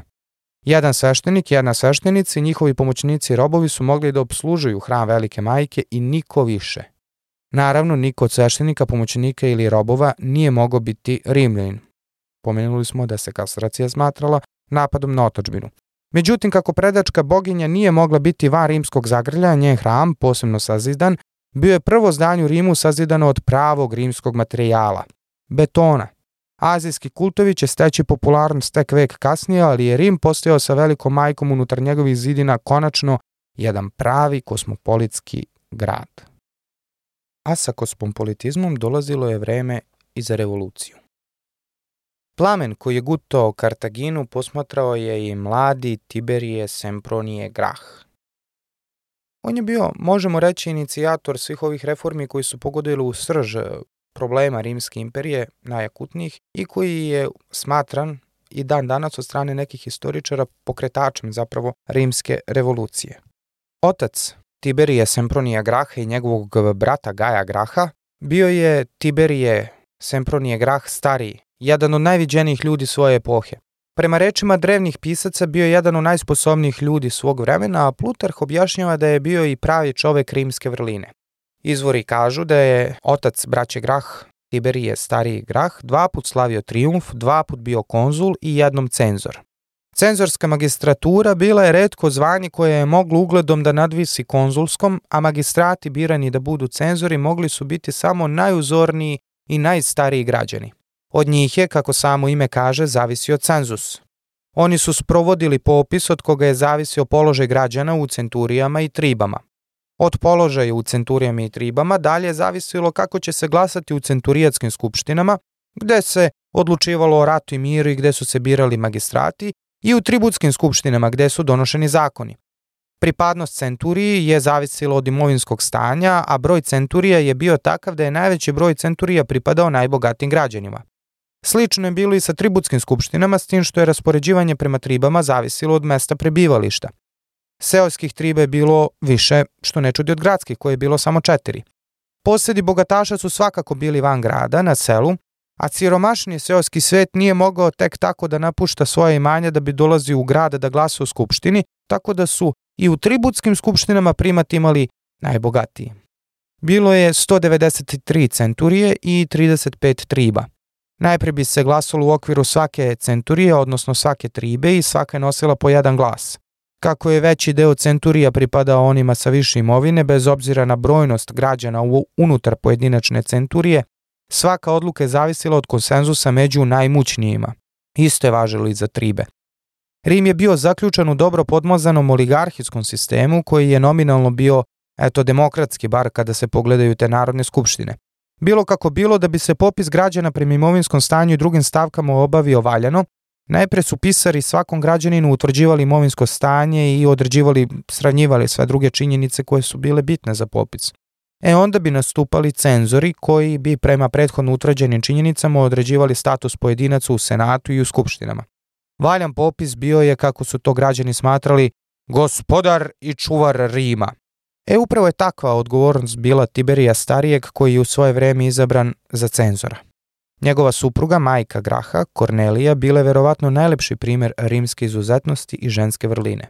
Bila je čerka Scipiona Afrikanca koji je pobedio najvećeg rimskog neprijatelja Hanibala. Kada je njen muž umro i ostavio je sa dvojicom sinova Tiberijem i Gajem, ona je odbila da se dalje udaje. Kada joj je kralj Egipta, jedan od bizarno bogatih Ptolemeja, ponudio kraljevsku krunu i zaprosio je, Kornelija ga je takođe odbila. U drugoj priči, kada je neka prijateljica hvalisavo pokazivala svoj luksuzni nakit, Kornelija je pokazala na dvojicu svojih sinova govoreći Ovo su moji dragulji. Ipak, kao i svaka prava rimska matrona, Kornelija je bila stroga prema svojim sinovima. Tiberije Grah je bio izuzetan mlad čovek, bogat sa rano stečenim ratnim iskustvom ne samo iz Afrike nego i iz Španije, te dobro povezan, a ipak majka mu je zamerala kako je u Rimu poznaju kao taštu Scipiona Emilijana pre nego kao majku Graha. Neki u ovome vide razlog budućih akcija Tiberija Graha, razlog da su umili vazda nezadovoljna majka. Neki kažu da je podlegao pod uticaj nekih grčkih filozofa, bilo kako bilo, Tiberije je bio jednostavno čovek posebnog i novog kova i vesnik jednog novog vremena.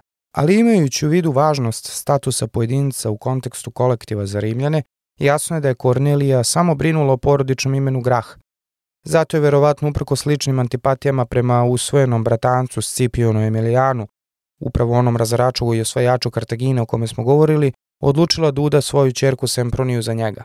Priča o ženitbi Tiberija Graha nije ništa manje spektakularna. On se oženio iz doma slavnog Apija Klaudija Pulhira. Apije Klaudije bio je jedan od najuglednijih rimskih građana, pa je bio još i konzul i cenzora, imenovan je i princepsom senata, što je značilo da je kao prvi senator među jednakima imao prvenstvo raspravljanja o temama na dnevnom redu. Tiberija je jako mlad zbog svojih vrlina, više nego zbog porekla, kako kaže Plutarh, izabran u kolegiji sveštenika Augura. Na nekoj večeri tiha ugura navodno ga je sam Apije Klaudije pitao da li želi da oženi njegovu čerku. Kada je Tiberije pristao, Klaudije se vratio splahiren kući i vikao ženi Antistija, verio sam našu Klaudiju. A njegova žena će mu reći, pa kakva je to žurba, kakva hitnja, da joj ne nađe za mladoženju Tiberija Graha možda. Eto tako, mladi viđen, Tiberijeva karijera je svakako obećavala. Sa druge strane, Tiberije se u tom trenutku našao pomalo u nebrnom grožđu jer su njegov ta Stapije Klaudije i njegov šurak Scipion Emilijan, obojica veoma uticajni, bili otvoreni neprijatelji, što će biti bitna iako ne najveća prepreka Tiberijevom političkim planovima i volji. A Tiberijev plan je bio da donese reforme u odnosu na slavno vreme prošlosti velikih heroja donese promene u korenito izmenjeni Rim. Kako je Katon Stari zapazio, a Livije je preneo, Ušli smo u Grčku i Aziju gde nas mami greh, raspolažemo kraljevskim riznicama. Bojim se da mi nismo osvajači, nego oni koji su zapravo osvojeni. Kraj citata. Ili kako je Plinije istakao i objasnio Rim u to vreme, fatalna je koincidencija bila u tome što rimski narod je istovremeno stekao ukus za porok i mogućnost da sve porive zadovolji. Kraj citata. Tiberije je ipak bio uzdržan, jednostavan i trezven, kako piše Plutarh, za razliku od njegovog brata Gaja koji je papreno platio neke ukrasne stolove sa nogarima od srebra stilizovanim u obliku delfina. Ipak, kako kaže jedan drugi rimski istoričar Salustije, narod se mučio vojničkom službom i oskudicom. Kraj citata. Centurijetske skupštine koje smo spominjali u drevno vreme su bile kostur vojničke organizacije. Svaki građanin je upisivan u centurije prema imovinskom statusu, jer je od imovinskog statusa zavisilo kakvu vojnu opremu sebi može priuštiti kada se krene u rat. A u rat se, kao što smo isto pričali, išlo sezonski dok se ratovalo u Italiji. Međutim, izlazak Rima iz italskih okvira zahtevao je dugogodišnju službu u prekomorskim zemljama i vojnici bi po nekoliko poljoprivrednih sezona morali da ostaju u službi. Imanja bi onda propadala. Ova nova oligarhija koja se bogatila od silnih pohoda i slivanja bogatstva u Rimu morala je negde da ulaže taj silni novac, pa su zgodno odlučivali da kupuju zemlju. E zemlju su kupovali od malih zemljoposrednika koji su bili osiromašeni delimično i stalim odsustvom od domova. Neretko se dešavalo da siromašni koji ne bi bili voljni da prodaju imanje budu silom isterani sa poseda. Naravno, sve bi bilo mnogo lakše da su bezemljaši mogli zaposliti, da su se mogli zaposliti bar kao nadničari ili ući u neke druge komercijalne poslove, ali za to ili nisu imali sredstva ili su im radna mesta već ispunjavali robovi koji su dovođeni sa svih strana. Evo kako sve to opisuje rimski istoričar Apijan. Jer bogataši, zahvativši veći deo te nepodeljene zemlje i pouzdajući se vremenom da im je više niko neće uzeti, zauzeše obližnja dobre i druge male posede siromaha, jedne kupujući po pristanku, a druge silom, i obrađivali su ne više njive nego prostrane ravnice, Zemlju su obrađivali kupljeni ratari i pastiri, dakle robovi, da ne bi, ako bi to bili slobodni ljudi, bili odlačeni sa zemljoradnje u vojsku. Pa i ovaj posed donosi im je veliku dobit, budući da je bio velik priraštaj dece kod robova, čiji je broj rastao nesmetano, jer su oni bili oslobođeni vojne službe. Stoga se silnici sasvim obogatiše i umnoži se broj robova na zemlji. Italici su naprotiv bili u nevolji zbog malog broja i nestašice ljudi i bili su iscrpljeni siromaštvom, nametima i vojnom službom.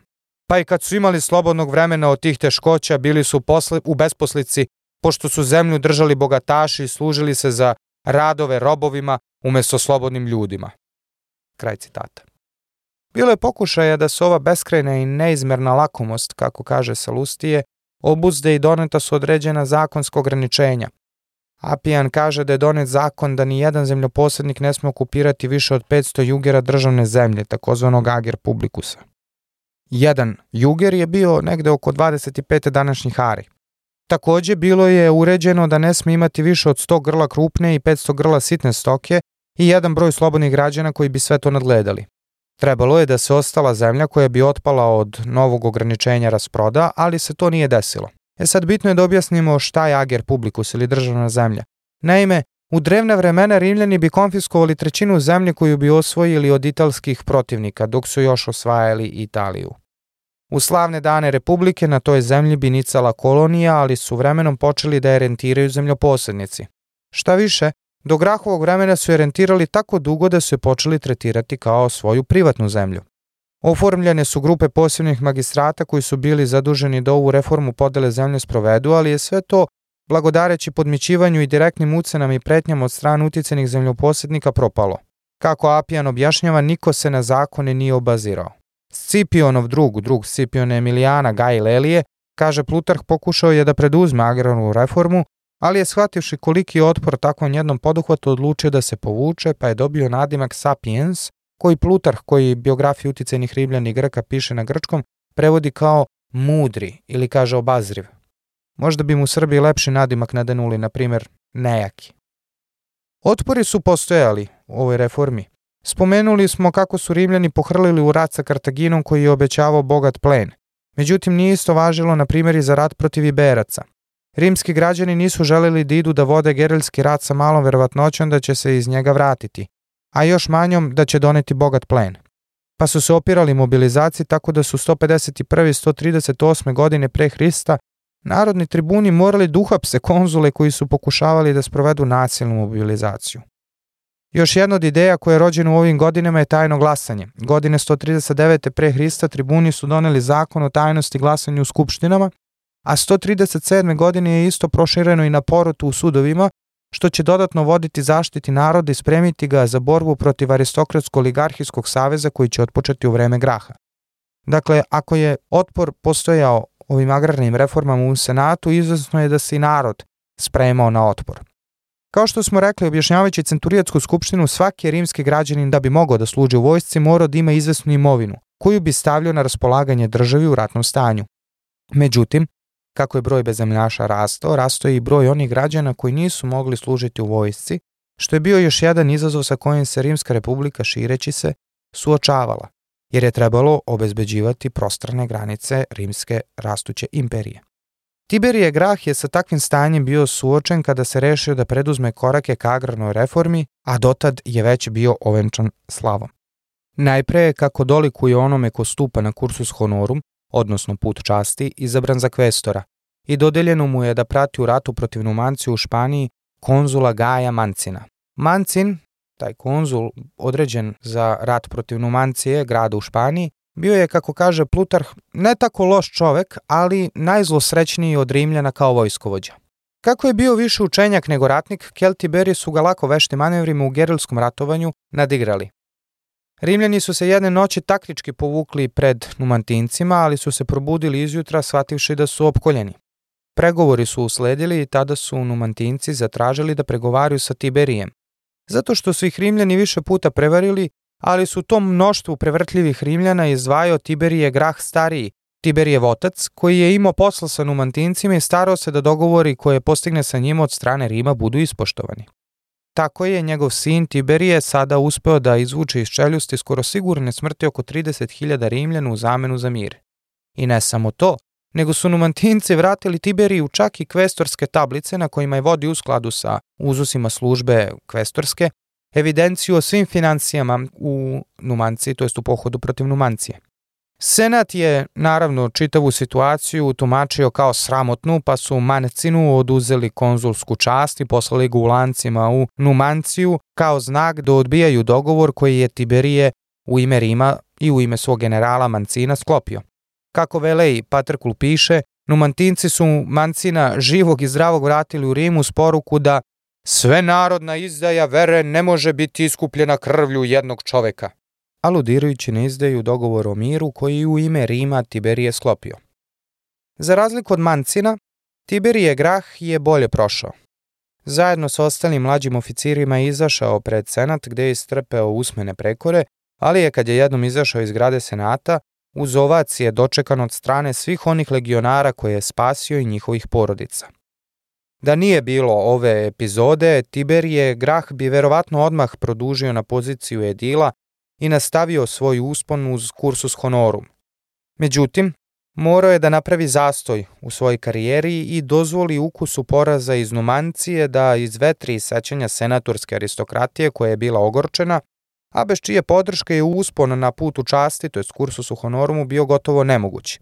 Zato se opredelio na nagovor tasta Apija Kludija Pulhira da se umesto na mesto Edila kandiduje za narodnog tribuna.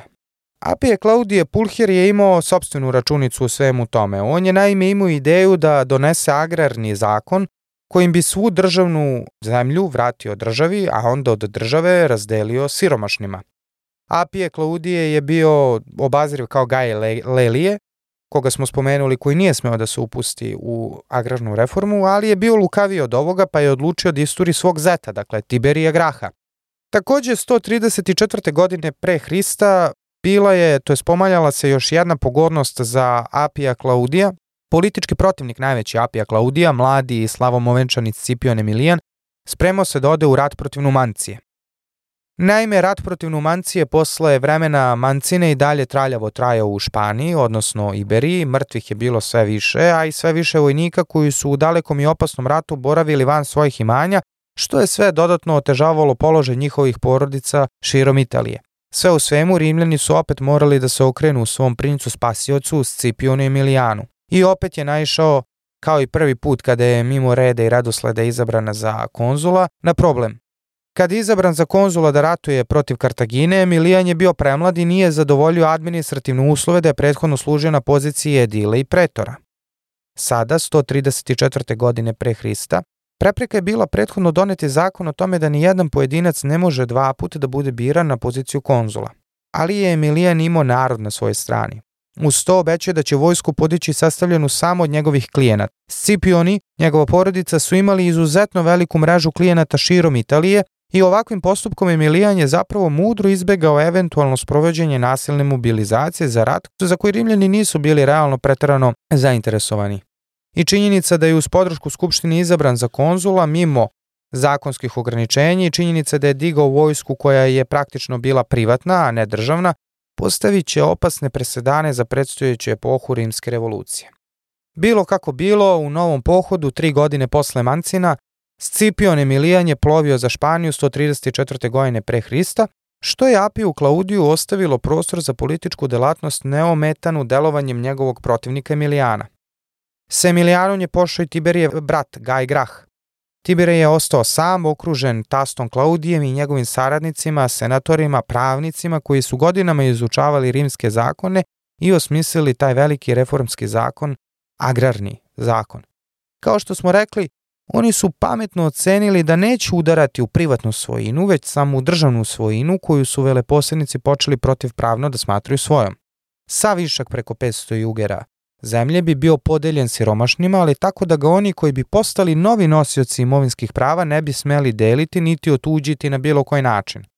Time bi Apijan Klaudije i njegovi saradnici obezbedili državi novi rezervoar za presušujuće zalihe rimskog vojnog ljudstva, jer kao što smo rekli, vojnikom se ne može postati bez neke imovine, ali bi nesumnjivo obezbedili sebi, dakle, Apije Kladuje Pulher i ostatak njegovih saradnika, čitavu novu mrežu klijenata koji bi zakonodavcima dugovali veliku uslugu.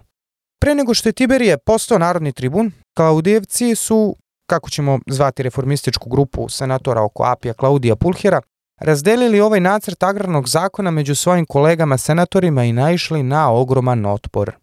Ne samo da su zemljoposljednici već investirali u državnu svojinu tretirajući je kao svoju, nego su je davali kao jemstvo za dugove ili su uvodili u testamenti i određivali ko će naslediti i tako dalje. I iako su Klaudijevci pokušavali da daju garancije zemljoposljednicima, obećavajući da će plaćati kompenzaciju za oduzetu zemlju, i dopuštati da veće porodice zadrži više od 500 jugera zemlje, otpor nije jenjavao. Zato su se Apije Klaudije Pulher i njegovi saradnici odlučili za drskost koja će suštinski otpočeti rimsku revoluciju. A ključna, naravno poluga u čitavom tom procesu, biće narodni tribun iz Apija Klaudija Pulhera Tiberije Grah. On je postao narodni tribun u decembru 134. godine pre Hrista. Kasnije je Guy Grah pisao o tome kako je navodno putujući za Numanciju prošao kroz Etruriju i da je tom prilikom Tiberije, dakle prolazeći kroz Etruriju, zapravo zapazio koliko loše žive Italici i e, Rimljani i da je tada prvi put počeo da razmišlja o nekoj vrsti reforme koja se mora sprovesti u Rimu kako bi olakšao život rimskom narodu. Sa druge strane, čuli smo i za pretpostavke istoričara pojedinih da ga je njegova majka, dakle, Kornelija zapravo nagovarala da preduzme nešto sa svojom karijerom i na taj način zaseni sve ostale velike porodice u Rimu. Neki su smatrali da su ga grčki filozofi nagovarali da se upusti u čitav ovaj proces agrarnih reformi. Bilo kako bilo, Tiberije Grah je u decembru 134. godine, dakle pre Hrista, postao narodni tribun i akcija odmah otpočela. Pošto je u Senatu opozicija prema zakonu bila prevelika, grupa Klaudijevaca se odlučila na nečuven korak da jednostavno preskoči senat. Naime, običaj predaka, toliko puta spomenuti moc majorom, nalagali su da svaki zakon pre nego što izađe pred skupštinsko glasanje mora da bude razmotren u senatu.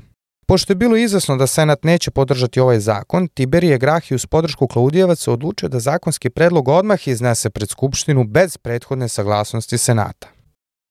Ne poštujući senat, i iznoseći zakon direktno pred narod, Klaudijevci na čelu sa Tiberijem Grahom su izazvali opštu euforiju narodu. Diodor, rimski istoričar, opisuje reke ljudi koji su se na forum slivale kao u okean. Tiberije je redovno držao govore odmereni trezven kako nam ga opisuje Plutarh da bi održavao radnu temperaturu naroda za dan kad na red dođe glasanje u Skupštini. Kad je dan za glasanje došao, pred Jupiterovim hramom na kapitolu građani su se okupili da glasaju, a tu je do izražaja došlo savršeno retorsko obrazovanje koje je Tiberiju u mladosti stekao. Evo što je tog dana rekao.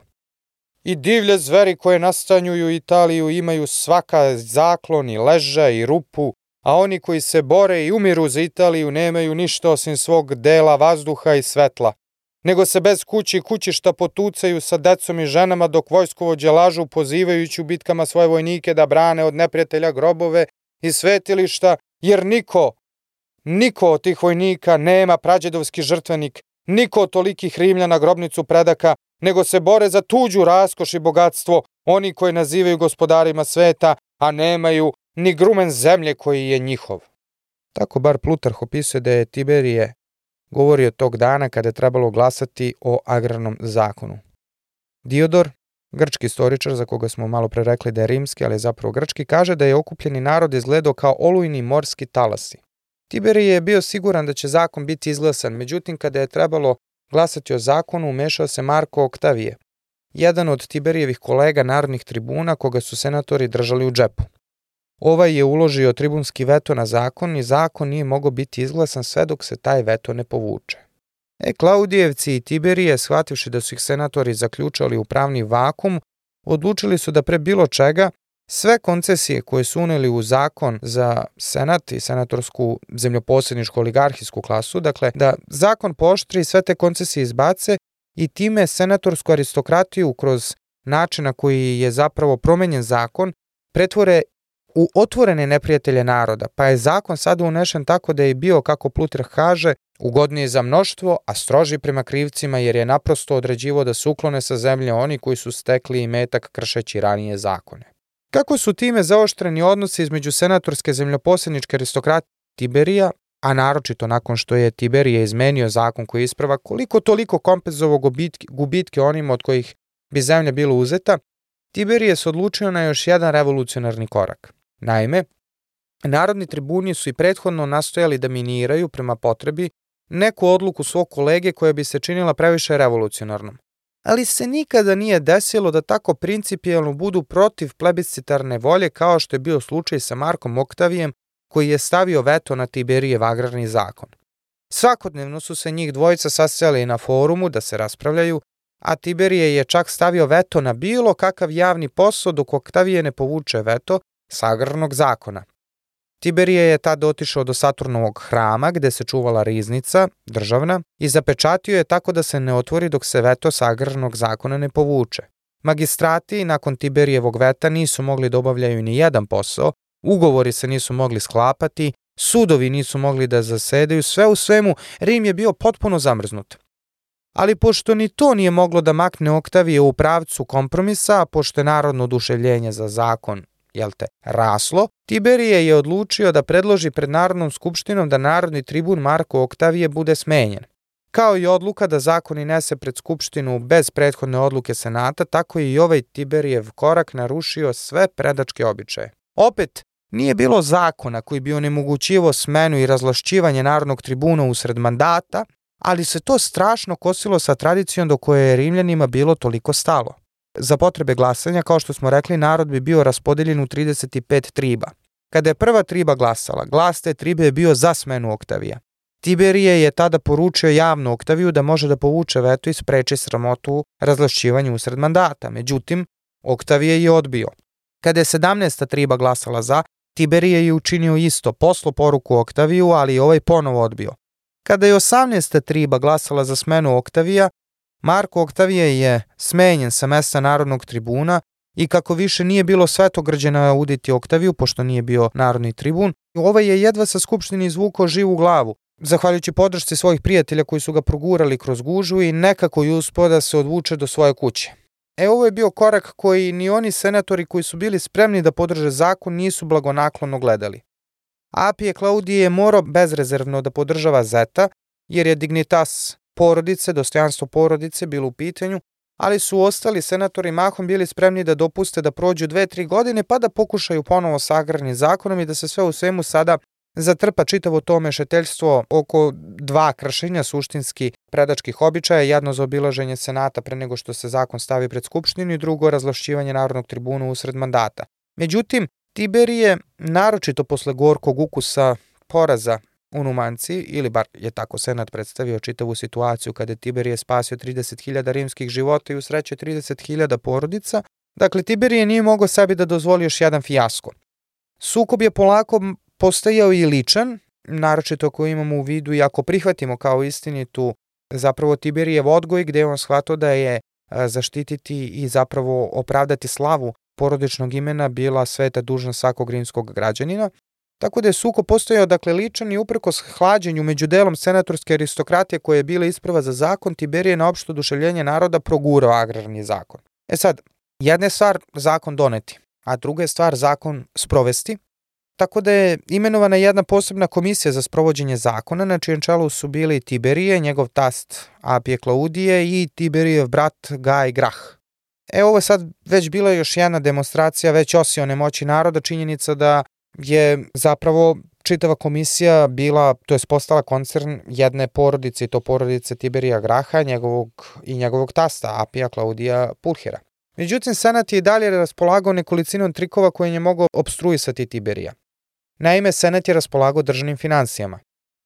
Rimski prvosveštenik, koji je nosio titulu Pontifexa Maximusa, u tom trenutku Publius Scipiona Nazika, nagovarao je Senat da se komisiji zaduženoj za sprovođenje zakona daju tričava finansijska sredstva, iako je zapravo ovoj agrarnoj komisiji za uspešno sprovođenje zakona bila potrebna čitava armija službenika koja bi marila parcele, delila i nadgledala sprovođenje zakona.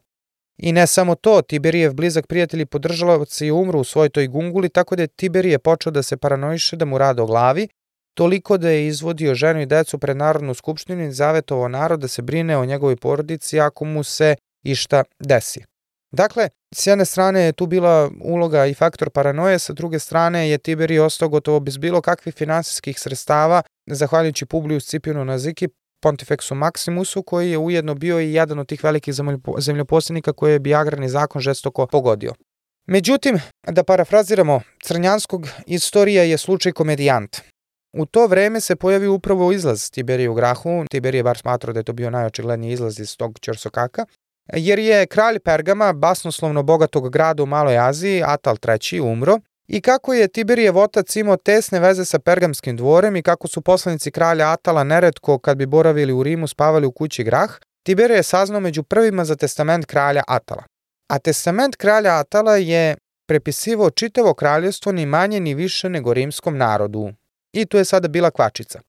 Rimska država se nominalno nazivala Senat i rimski narod.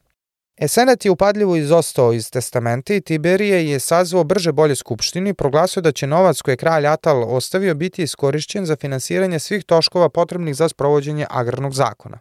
E, od toga je senatorima opala kosa sa glave. Jer kao što smo pričali, kao što je pisao Polibija, ako su postojale dve nadležnosti senata u koje se narod nije mešao, to je briga o financijama, prihodima i rashodima sa jedne strane i briga o odnosima sa stranim državama sa druge strane. Slučaj Pergama je obuhvatao oba, a Tiberije je pokušavao da razvlasti senat po oba osnova. Senat ga je brže bolje proglasio za opasnog demagoga koji želi da postane tiranin. Ubrzo potom Tiberije je otišao još korak dalje objavivši da ponovo želi da se kandiduje za tribuna. E sad, možda je želo da istera agrarnu reformu do kraja, možda je strahovao od toga šta bi se desilo kada bi mu bio oduzet imunitet narodnog tribuna, ali ni za takvu odluku nije postojao presedan u rimskoj istoriji. Međutim, ako bi se oslonio na mogućnost stalnog reizbora, u očima senatorske aristokratije se javio savršen izgovor za uklanjanje na neki način Tiberija, jer bi Tiberije praktično stalnim reizborom na mesto narodnog tribuna, što smo rekli da je idealna funkcija za sprovođenje prljave političke igre. Dakle, ako bi se stalno birao za narodnog tribuna, a što je bilo moguće ukoliko se jedno bude reizabran godinu za godinom, Tiberije bi postao praktično kralj Rima. E, od toga nije postojao veći strah, bar ne među Rimljanima. To je bilo na izvesni način mogućnost, to je strah od toga da će se neko proglasiti kraljem je na neki način bila, monarhija bila antipolitička mašina u Rimu jer je pitanje monarhije jednostavno zamrzavalo sve i bilo je na neki način vrlo nezgodan teren na kojem su se lomila koplja, naročito vidjet ćemo u vreme rimske revolucije koju sledilo sa Tiberijem i u decenijama posle njega. Dakle, Tiberije se ponovo kandidovao za narodnog tribuna, međutim, kada su se spremali izbori, bilo je vreme žetvi i Tiberije nije mogu da se osloni na standardnu podršku seoskog plepsa, pa se okrenuo gradskog plepsu. E sad, on je gradskom plepsu, koje je bilo svrstano u ove četiri tribe unutar grada, obećavao dalje ograničavanje vremena služenja vojnog roka, pravo da se žale na odluku suda i izopštavanje senatora iz sudskih porota. To su bili na neki način pokušaj Tiberije da se posebno obrati i gradskom plepsu koje je malo izostalo iz njegovog fokusa kao narodnog tribuna imajući u vidu da se bavio pre svega agrarnim zakonom. U sve to u kampanji je Tiberije nosio crnu odoru kao da je u koroti i vukao ženu i decu sa sobom podsjećajući svoje birače šta je sve stavio na kocku. Na kapitolu u senci Jupiterovog hrama spremalo se konačno glasanje, ali je došlo do sukoba između glasača za i protiv Tiberija, pa je glasanje nakratko odloženo. Umeđu vremenu, zaseda je senat. Senat je zasedu u hramu Fide, boginje vernosti, pod nadzorom konzula Mucija Scevole, koji je sam zajedno sa Apijem Klaudijem Pulhirom bio jedan od idejnih tvoraca agrarnog zakona, koji je potom bio među senatorima koji su se povukli nakon revolucionarnih Tiberijevih koraka. Sve u svemu, Publije Scipion Nazika, Pontifex Maximus, je nagovarao konzula Mucija Scevolu da učini nešto povodom rezbora Tiberija, ali je Mucija Scevolo odbio da primeni silu na rimskom građaninu kome nije suđeno. Tada je Nazika ustao i obratio se senatorima čuvenim rečima. Neka oni koji žele da spasu otačbinu pođu za mnom. Onda je svukao svoju odoru Pontifexa Maximusa i krenuo u pravcu Skupštine gde se glasalo o reizboru Tiberija za narodnog tribuna. Senatori na čelu sa Nazikom su naoružani toljagama i nogarima od stolova nasrnuli na Tiberijeve podržavaoce na Skupštini. Kako nisu bili naoružani, grahijanci su bili laka meta za Naziku i njegove naoružane pristalice. Evo kako Apijan opisuje ovaj krvav dan. Tako je Tiberije Grah, rođen od oca Graha koji je dva put bio konzul i majke Kornelije, kćeri Scipiona koji je pobedio Kartaginjane, radi najbolje namere poginuo na kapitolu kao narodni tribun. To zločinstvo prvi put učinjeno u Skupštini, posle se događalo više puta u sličnim slučajevima. Grad je različito podno Tiberijevo ubijstvo, jedni sa žalošću, drugi veselo. Jedni su žalili sebe, njega i sadašnje stanje, kao da nemaju više države nego vladu sile i nasilja. Drugi su smatrali da su izvršili ono što su hteli. Ovo se dogodilo u vreme kada je Aristonik zaratio na Rimljane zbog vlasti u Aziji. Tog dana stradalo je 300 podržavaoca Graha. Bio je to plod krvavog političkog nadgornjavanja. Prvo je Tiberije zaobišao senat i agrarni zakon iznao pred skupštinu, pa je onda senat preko narodnog tribuna Oktavija stavio veto na agrarni zakon, onda je Tiberije blokirao sve javne poslove, pa je pošto ni to nije demotivisalo Oktavija da povuče veto, Tiberije smenio kolegu preko skupštine sa mesta narodnog tribuna, Onda je donao zakon koji isprva bio mnogo blaži, preuzeo u ime naroda nadležno za nasledđe Pergama i na posledku se kandidovao da ponovo bude izabran. Sveukupno bio je to niz presedana koji konzervativna zemljoposednička elita okupljena u Senatu nije mogla da istoleriše. Šta više Tiberiju i njegovim pristalicama je uskraćena mogućnost građanske sahrane za koju smo pričali da je bila veoma važan čin u kolektivnoj imaginaciji Rimljana i u njihovoj na kraju krajeva kolektivnoj, to jest javnom iskazivanju vere. Masovno su Tiberije i njegovi sledbenici pobacani u Tibar, a izgovor je bio da je Tiberije želo da se proglase za kralja, te da je stoga bio kriv za eventualno nametanje onoga što je predstavljalo ultimativni strah svih Rimljana. Pod efektnom parolom, dakle, opasnosti da je Tiberije zapravo žalo se proglasi za kralja, Senat je samog sebe abolirao, ali kako je Vele i primetio, bio je to početak krvoprolića rimskih građanskih ratova i dozvola na mač. Prašini ovih događanja je trebalo dosta da se slegne, ali vremena nije bilo. Sa jedne strane trebalo je doneti odluku o tome kako će Senat opravdati ovo veliko svetogrđe kao što je ubistvo Narodnog tribuna. Naravno, najlakše je bilo optužiti Tiberija da je teo da obnovi monarhiju i s tim u vezi je Senat imenovao jednu sudsku komisiju koju su predvodili novi konzuli Publije Rupilije i Publije Popilije Lenas. Njih dvojica su imali zadatak da kazne najstrožnim kaznama sve one koji su zajedno sa Grahom želeli da izvrše državni udar, ali je tu postojala opet začkoljica jer je prema zakonima 12 tablica jednim od najranijih pisanih zakona Rima, samo Narodna skupština bila ta koja je mogla da izriče najstrože kazne. Sa druge strane, i narod je bio besan na činjenicu da su samo oni siromašni bili targetirani od strane senata, kao i stranci, ali ne i senatori koji su učestvovali u pisanju agrarnog zakona okupljeni oko Apija Klaudija Pulhira, Tiberijevog tasta. Tmurni dani rimske svakodnevice nakon strašnog ubistva Tiberija Graha i njegovih 300 pristalica dodatno su bili otežali od zvuka koraka Publija Scipiona Nazike, pontifeksa Maksimusa koji je ubio narodnog tribuna na vratima Jupiterovog hrama, što je bilo svetogrđe, a ovaj se i dalje slobodno šetao Rimom šta više šepureći se. Marko Fulvije Flak, mladi reformista i saradnik Tiberija Graha, zavetovao se da će prvosveštenika Scipiona Naziku privesti pravdi. Sreća pojavila se zgodna prilika za senat da se liše takve neprijatnosti kao što bi bilo žrtvovanje jednog od njihovih, te je senat već od tog trenutka imao vesti o pripajanju Pergama koji je ostavio kralj Atal Rimu i poslao je Naziku na čelo aparata koji je trebalo da proceni situaciju u Pergomu i nadgleda pripajanje. Nazika je na posledku i umro u Aziji, psujući na samrti kako je verovo nezahvalnu otačbinu koja ga se otarasila. Pored toga, senatori su morali da naprave još jedan ustupak i to komisiji koja je imala zadatak da se postara o sprovođenju agrarnog zakona. Naime, Mucini je jedan od autora agrarnog zakona imenovan je na mesto člana komisije umesto Tiberija u zapija Klaudija Pulhira i Gaja Graha. Bila je suštinski ovo jedna od onih komisija koja je ličila na anketni odbor iz poslovice srpske tranzicije o tome da kad želiš da neki problem ne rešiš ti napravi anketni odbor da se njime bavi. E tako su senatori posmatrali tu komisiju, ali su smatrali da je sama činjenica da ona i dalje postoji, to je da nije ukinuta jedan veliki ustupak. Za sve to vreme, Scipion Emilijan, Tiberijev šurak, ratovao je u Španiji, sa lakoćom je pregazio Numanciju koja je, koju je na posledku branilo tričovih 8000 ljudi. U proleće 133. godine pre Hrista, Numancija je konačno pala. Kada su Scipionu dojavili šta su među vremenu dogodilo u Rimu, o sudbini njegovog šuraka Tiberija Graha, koji je ubijen pod izgovorom da se spremao da postane kralj, vojskovođa je ponovo odgovorio homerskom poslovicom. Tako prođoše oni koji se odvažiše na zločin. Da li je to Scipio naminovo ubistvo svog šuraka i to narodnog tribuna pride? Šaputalo se po rimskim ulicama kada se čulo o tome kako je Emilijan odgovorio. To svakako nije dobrodošlo opštenarodnom raspoloženju glede nekada narodnog princa Emilijana koji je na, zahvaljujući narodnim skupštinama, u mnogome i zahvalio svoju karijeru mimo reda i zakona se dva put birajući za konzula. Emilijan se dodatno ovoga puta u leto 132. godine vratio iz pohoda sa znatno manje plena nego kada se pobedonosno vraćao iz Kartagine više od decenije ranije. Toliko su bili hladni Rimljani u dočeku Emilijana da se pitao da li je moguće da su ga dve godine ranije mimo zakon izabrali drugi put na mesto konzula. Umeđu vremenu, 131. godine je jedan od grahista, kako ćemo sada nazivati reformatore ovog perioda, dakle Gaj Papirije Karbon, postao narodni tribun.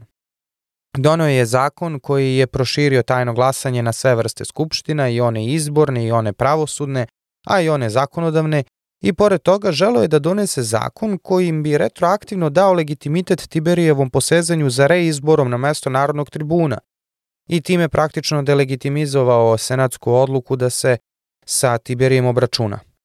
E, ovo je Scipion Emilijan smatrao prevelikom koncesijom narodu i generalno prevelikim zamahom narodnog talasa, tako da je izašao na forum da govori protiv ovog zakona, što je bilo po sebi licemerno, budući da je i sam dva put biran na istu funkciju mimo zakona. E Karbon, Gaj Papirije Karbon, ne mogavši da izdrži ovo licemerje, istupio je jednom prilikom pa javno pitao Emilijana da kaže šta je zaista mislio o ubistvu svog šuraka. Na to je Emilijan odgovorio. Ako je zaista mislio da prisvoji državu, ubijen je pravedno. Narod se razbesnao. Ali ni Emilijan nije ostao dužan na narodu.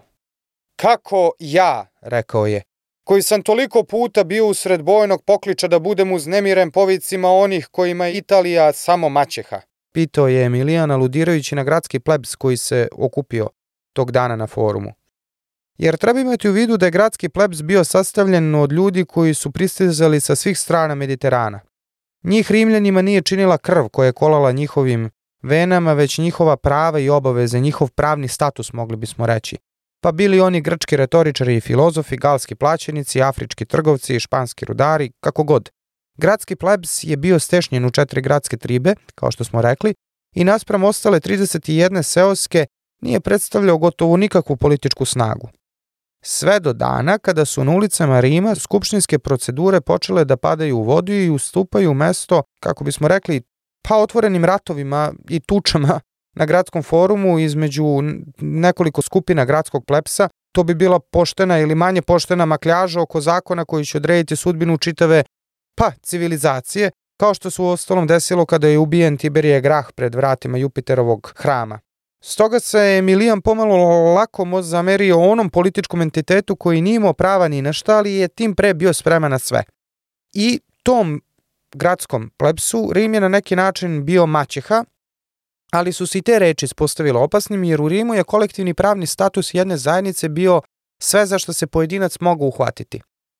Najviše pravo od tih kolektivnih prava bilo je svakako pravo rimskog građanstva – Rimsko građanstvo je podrazumevalo da muškarci koji su njegovi uživaoci mogu da glasaju u skupštinama i imali su pravu na zaštitu od zlostavljanja magistrata i tako dalje, a ispod njih su bili oni sa latinskim pravima. Naime, kada je Rim osvojio tu dolinu Tibra, koja se zove Laci, 338. godine, dao je latinima prava koje su nazvana latinskim pravima. Oni su mogli suštinski sa rimljanima da sklapaju ugovore, da se venčavaju, da obavljaju razne druge poslove, pa su čak mogli i da glasaju, iako su kolektivno bili spakovani u jednu tribu. Međutim, ni oni nisu bili najniži na toj lestvici kolektivnih prava, nego su najbrojniji i najniže na toj lestvici bili takozvani federati ili saveznici Rima. E to je bio veći deo Italije i oni nisu morali da plaćaju poreze Rimu, mogli su da zadrže lokalne magistrate, ali su morali da daju vojsku za rimske pohode. Dva veka je taj model dobro funkcionisao, ali je sad jedan od najuticajnijih ljudi u Rimu, dakle Scipion Emilijan, priznao da je Italija nekima tek maćeha. I to su pre svega bili gradski plebs i dakle ti federati. Vreme kada će ovaj problem odnosa federati Rimljane eskalirati će tek doći, ali ga je Emilijan time najavio. Ali umeđu vremenu je trebalo rešiti pitanje na pragu samog grada Rima, a to je bilo pitanje agrarnog zakona o kome se odlučivalo na rimskim forumu i to ne baš ustaljenim procedurama kao što smo vidjeli sa ubistvom Tiberija. Apije Klaudije Pulher je umro 129. godine pre Hrista, a ubrzo je komisija ostala bez još jednog člana konzula Mucijana. Naime, posle pripajanja Pergama, kako to biva obično u vreme vladarskog interregnuma, da ne kažemo tranzicije, u Pergamu se pojavio izvesni samozvanac i pre pretendent Aristonik. Čovek je imao ideju da porazi Rim pa da onda napravi jedan potpuno novi grad, Heliopolj, to je grad suncu, u kome će svi živeti kao jednaki požurio je nekih 16 vekova za takvim idejama koje će se prvi put pojaviti među hrišćanskim sektama u protestantskoj Evropi i mada ih je u antici bilo, one nikad nisu bile uspešne, tako da je ova bajkovita vizija Aristonikova bila unapred osuđena na propast, ali on svakako imao nekog dara i to pre svega vojničkog dara koji je dosta bio u korelaciji sa njegovim obećanjem da će poraziti Rimljane, Naime, Rim je poslao vojsku na čelu konzula Mucijana koji je bio član agrarne komisije da tu pobunu reši. Međutim, desilo se da je Aristonik uspešno nadigrao i ubio Mucijana, pa je senat morao da šalje drugu vojsku, koja će pobiti i porobiti Aristonikove pristalice u mnogome i za račun domaće poslovne elite u Pergamu koja je uspešno obavljala trgovinu sa Rimom. Aristonik je doveden u Rim, sproveden u triumfu kroz grad i zadaljen u ćeli na, na kraju.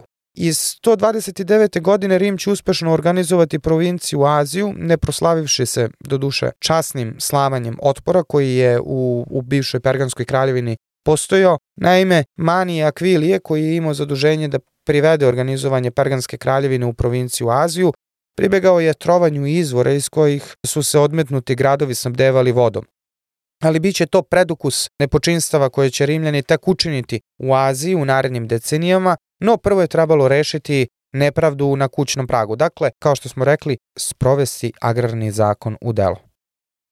Umesto odmerenih starih Mucijana i Pulhira, komisiju su sada činili dvojica mladića, dakle Marko Fulvije Flak i Gaj Papirije Karbon, koji su sa vatrenim Gajem Grahom predstavljali pravu zapaljivu smesu koja je samo čekala da eksplodira na rimskom forumu.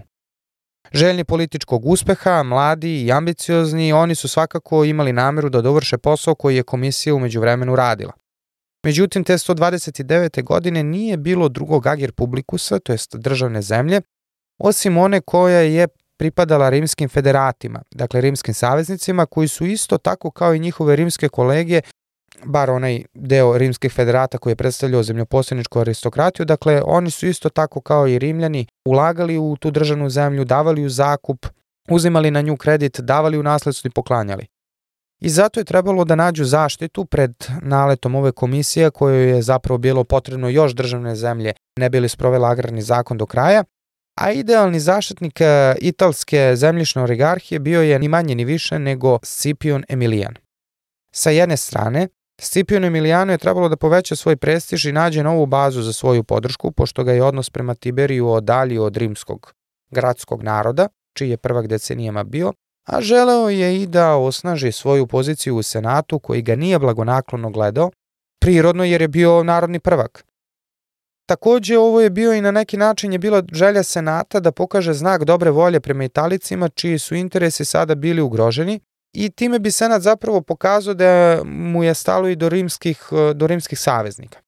Emilijan je vrlo zgodno podveo odnos prema federatima pod spoljnu politiku, time smestivši ono što je bila nadležnost zemljišne komisije pod nadležnost konzula, koji bi onda bio pod nadzorom senata i obavljao svoju dužnost u skladu sa onim što je smatrano predačkim običajima. Kako je sva preostala zemlja, koja je tek trebalo praktično da se omeđi i razdeli, bila okružena zemljom rimskih federata, komisija je izgubila prostor da radi bilo šta. A pošto su komisiju činila trojica zelenih političara, dakle Gaj Grah, Gaj Papirije Karbon i Marko Fulvije Flak, senatska odluka je nosila mnogo veću težinu. Međutim, senatska odluka je, iako je nosila težinu da bi bila zapravo punovažna, morala da prođe skupštinsku proceduru. Ali kad je Emilijan konačno izašao na forum da govori sa planom da donese amandman koji bi gotovo anulirao agrarni zakon, gradski plebs ga je dočekao neprijateljstvom. Ubijte tiranina! vikali su. I Emilijan ih je ponovo dočekao replikom. Prirodno je da oni koji su neprijatelji naše zemlje žele da sklone prvo mene, jer nije moguće da Rim padne dok jedan Scipion stoji, niti je moguće da Scipion živi ako je Rim pao. Ironijom sudbine, te večeri posle ovog govora, Scipion je umro u svojoj 56. godini u jeku svoje političke zrelosti u kući u svom krevetu, nakon što se povuku u svoje odeje rekavši prijateljima da treba da radi na govoru koji će sutradan održati na forumu. Nije moguće da Scipion živi ako je Rim pao. Poslednje su javno izrečene reči Scipiona Emilijana. Istog dana i umro. On i njegov šurak Tiberije Grahu mnogome su uzdrmali ono što je bilo Rimska republika dotad. Preskakanje stepenika na lesvici magistratura, nelegalni reizbori, narušavanje nadležnosti senata, ignorisanje predačkih običaja, regrutovanje privatne vojske i rat protiv zemljišne aristokratije mogu se podvesti po dela koje su ova dvojica učinila. Čak i oni koji nisu skloni da epohu kraja i drugog i prvi vek pre Hrista zovu rimskom revolucijom, moraju priznati revolucionarnost starijeg Graha i Emilijana. Posle njih dvojice, sve ostalo će biti nijanse u kojima će se ogledati hiljadu ubijenih rimskih građana, ali neke od najvećih ličnosti svetske istorije, kao što su Ciceron i naravno Cezar.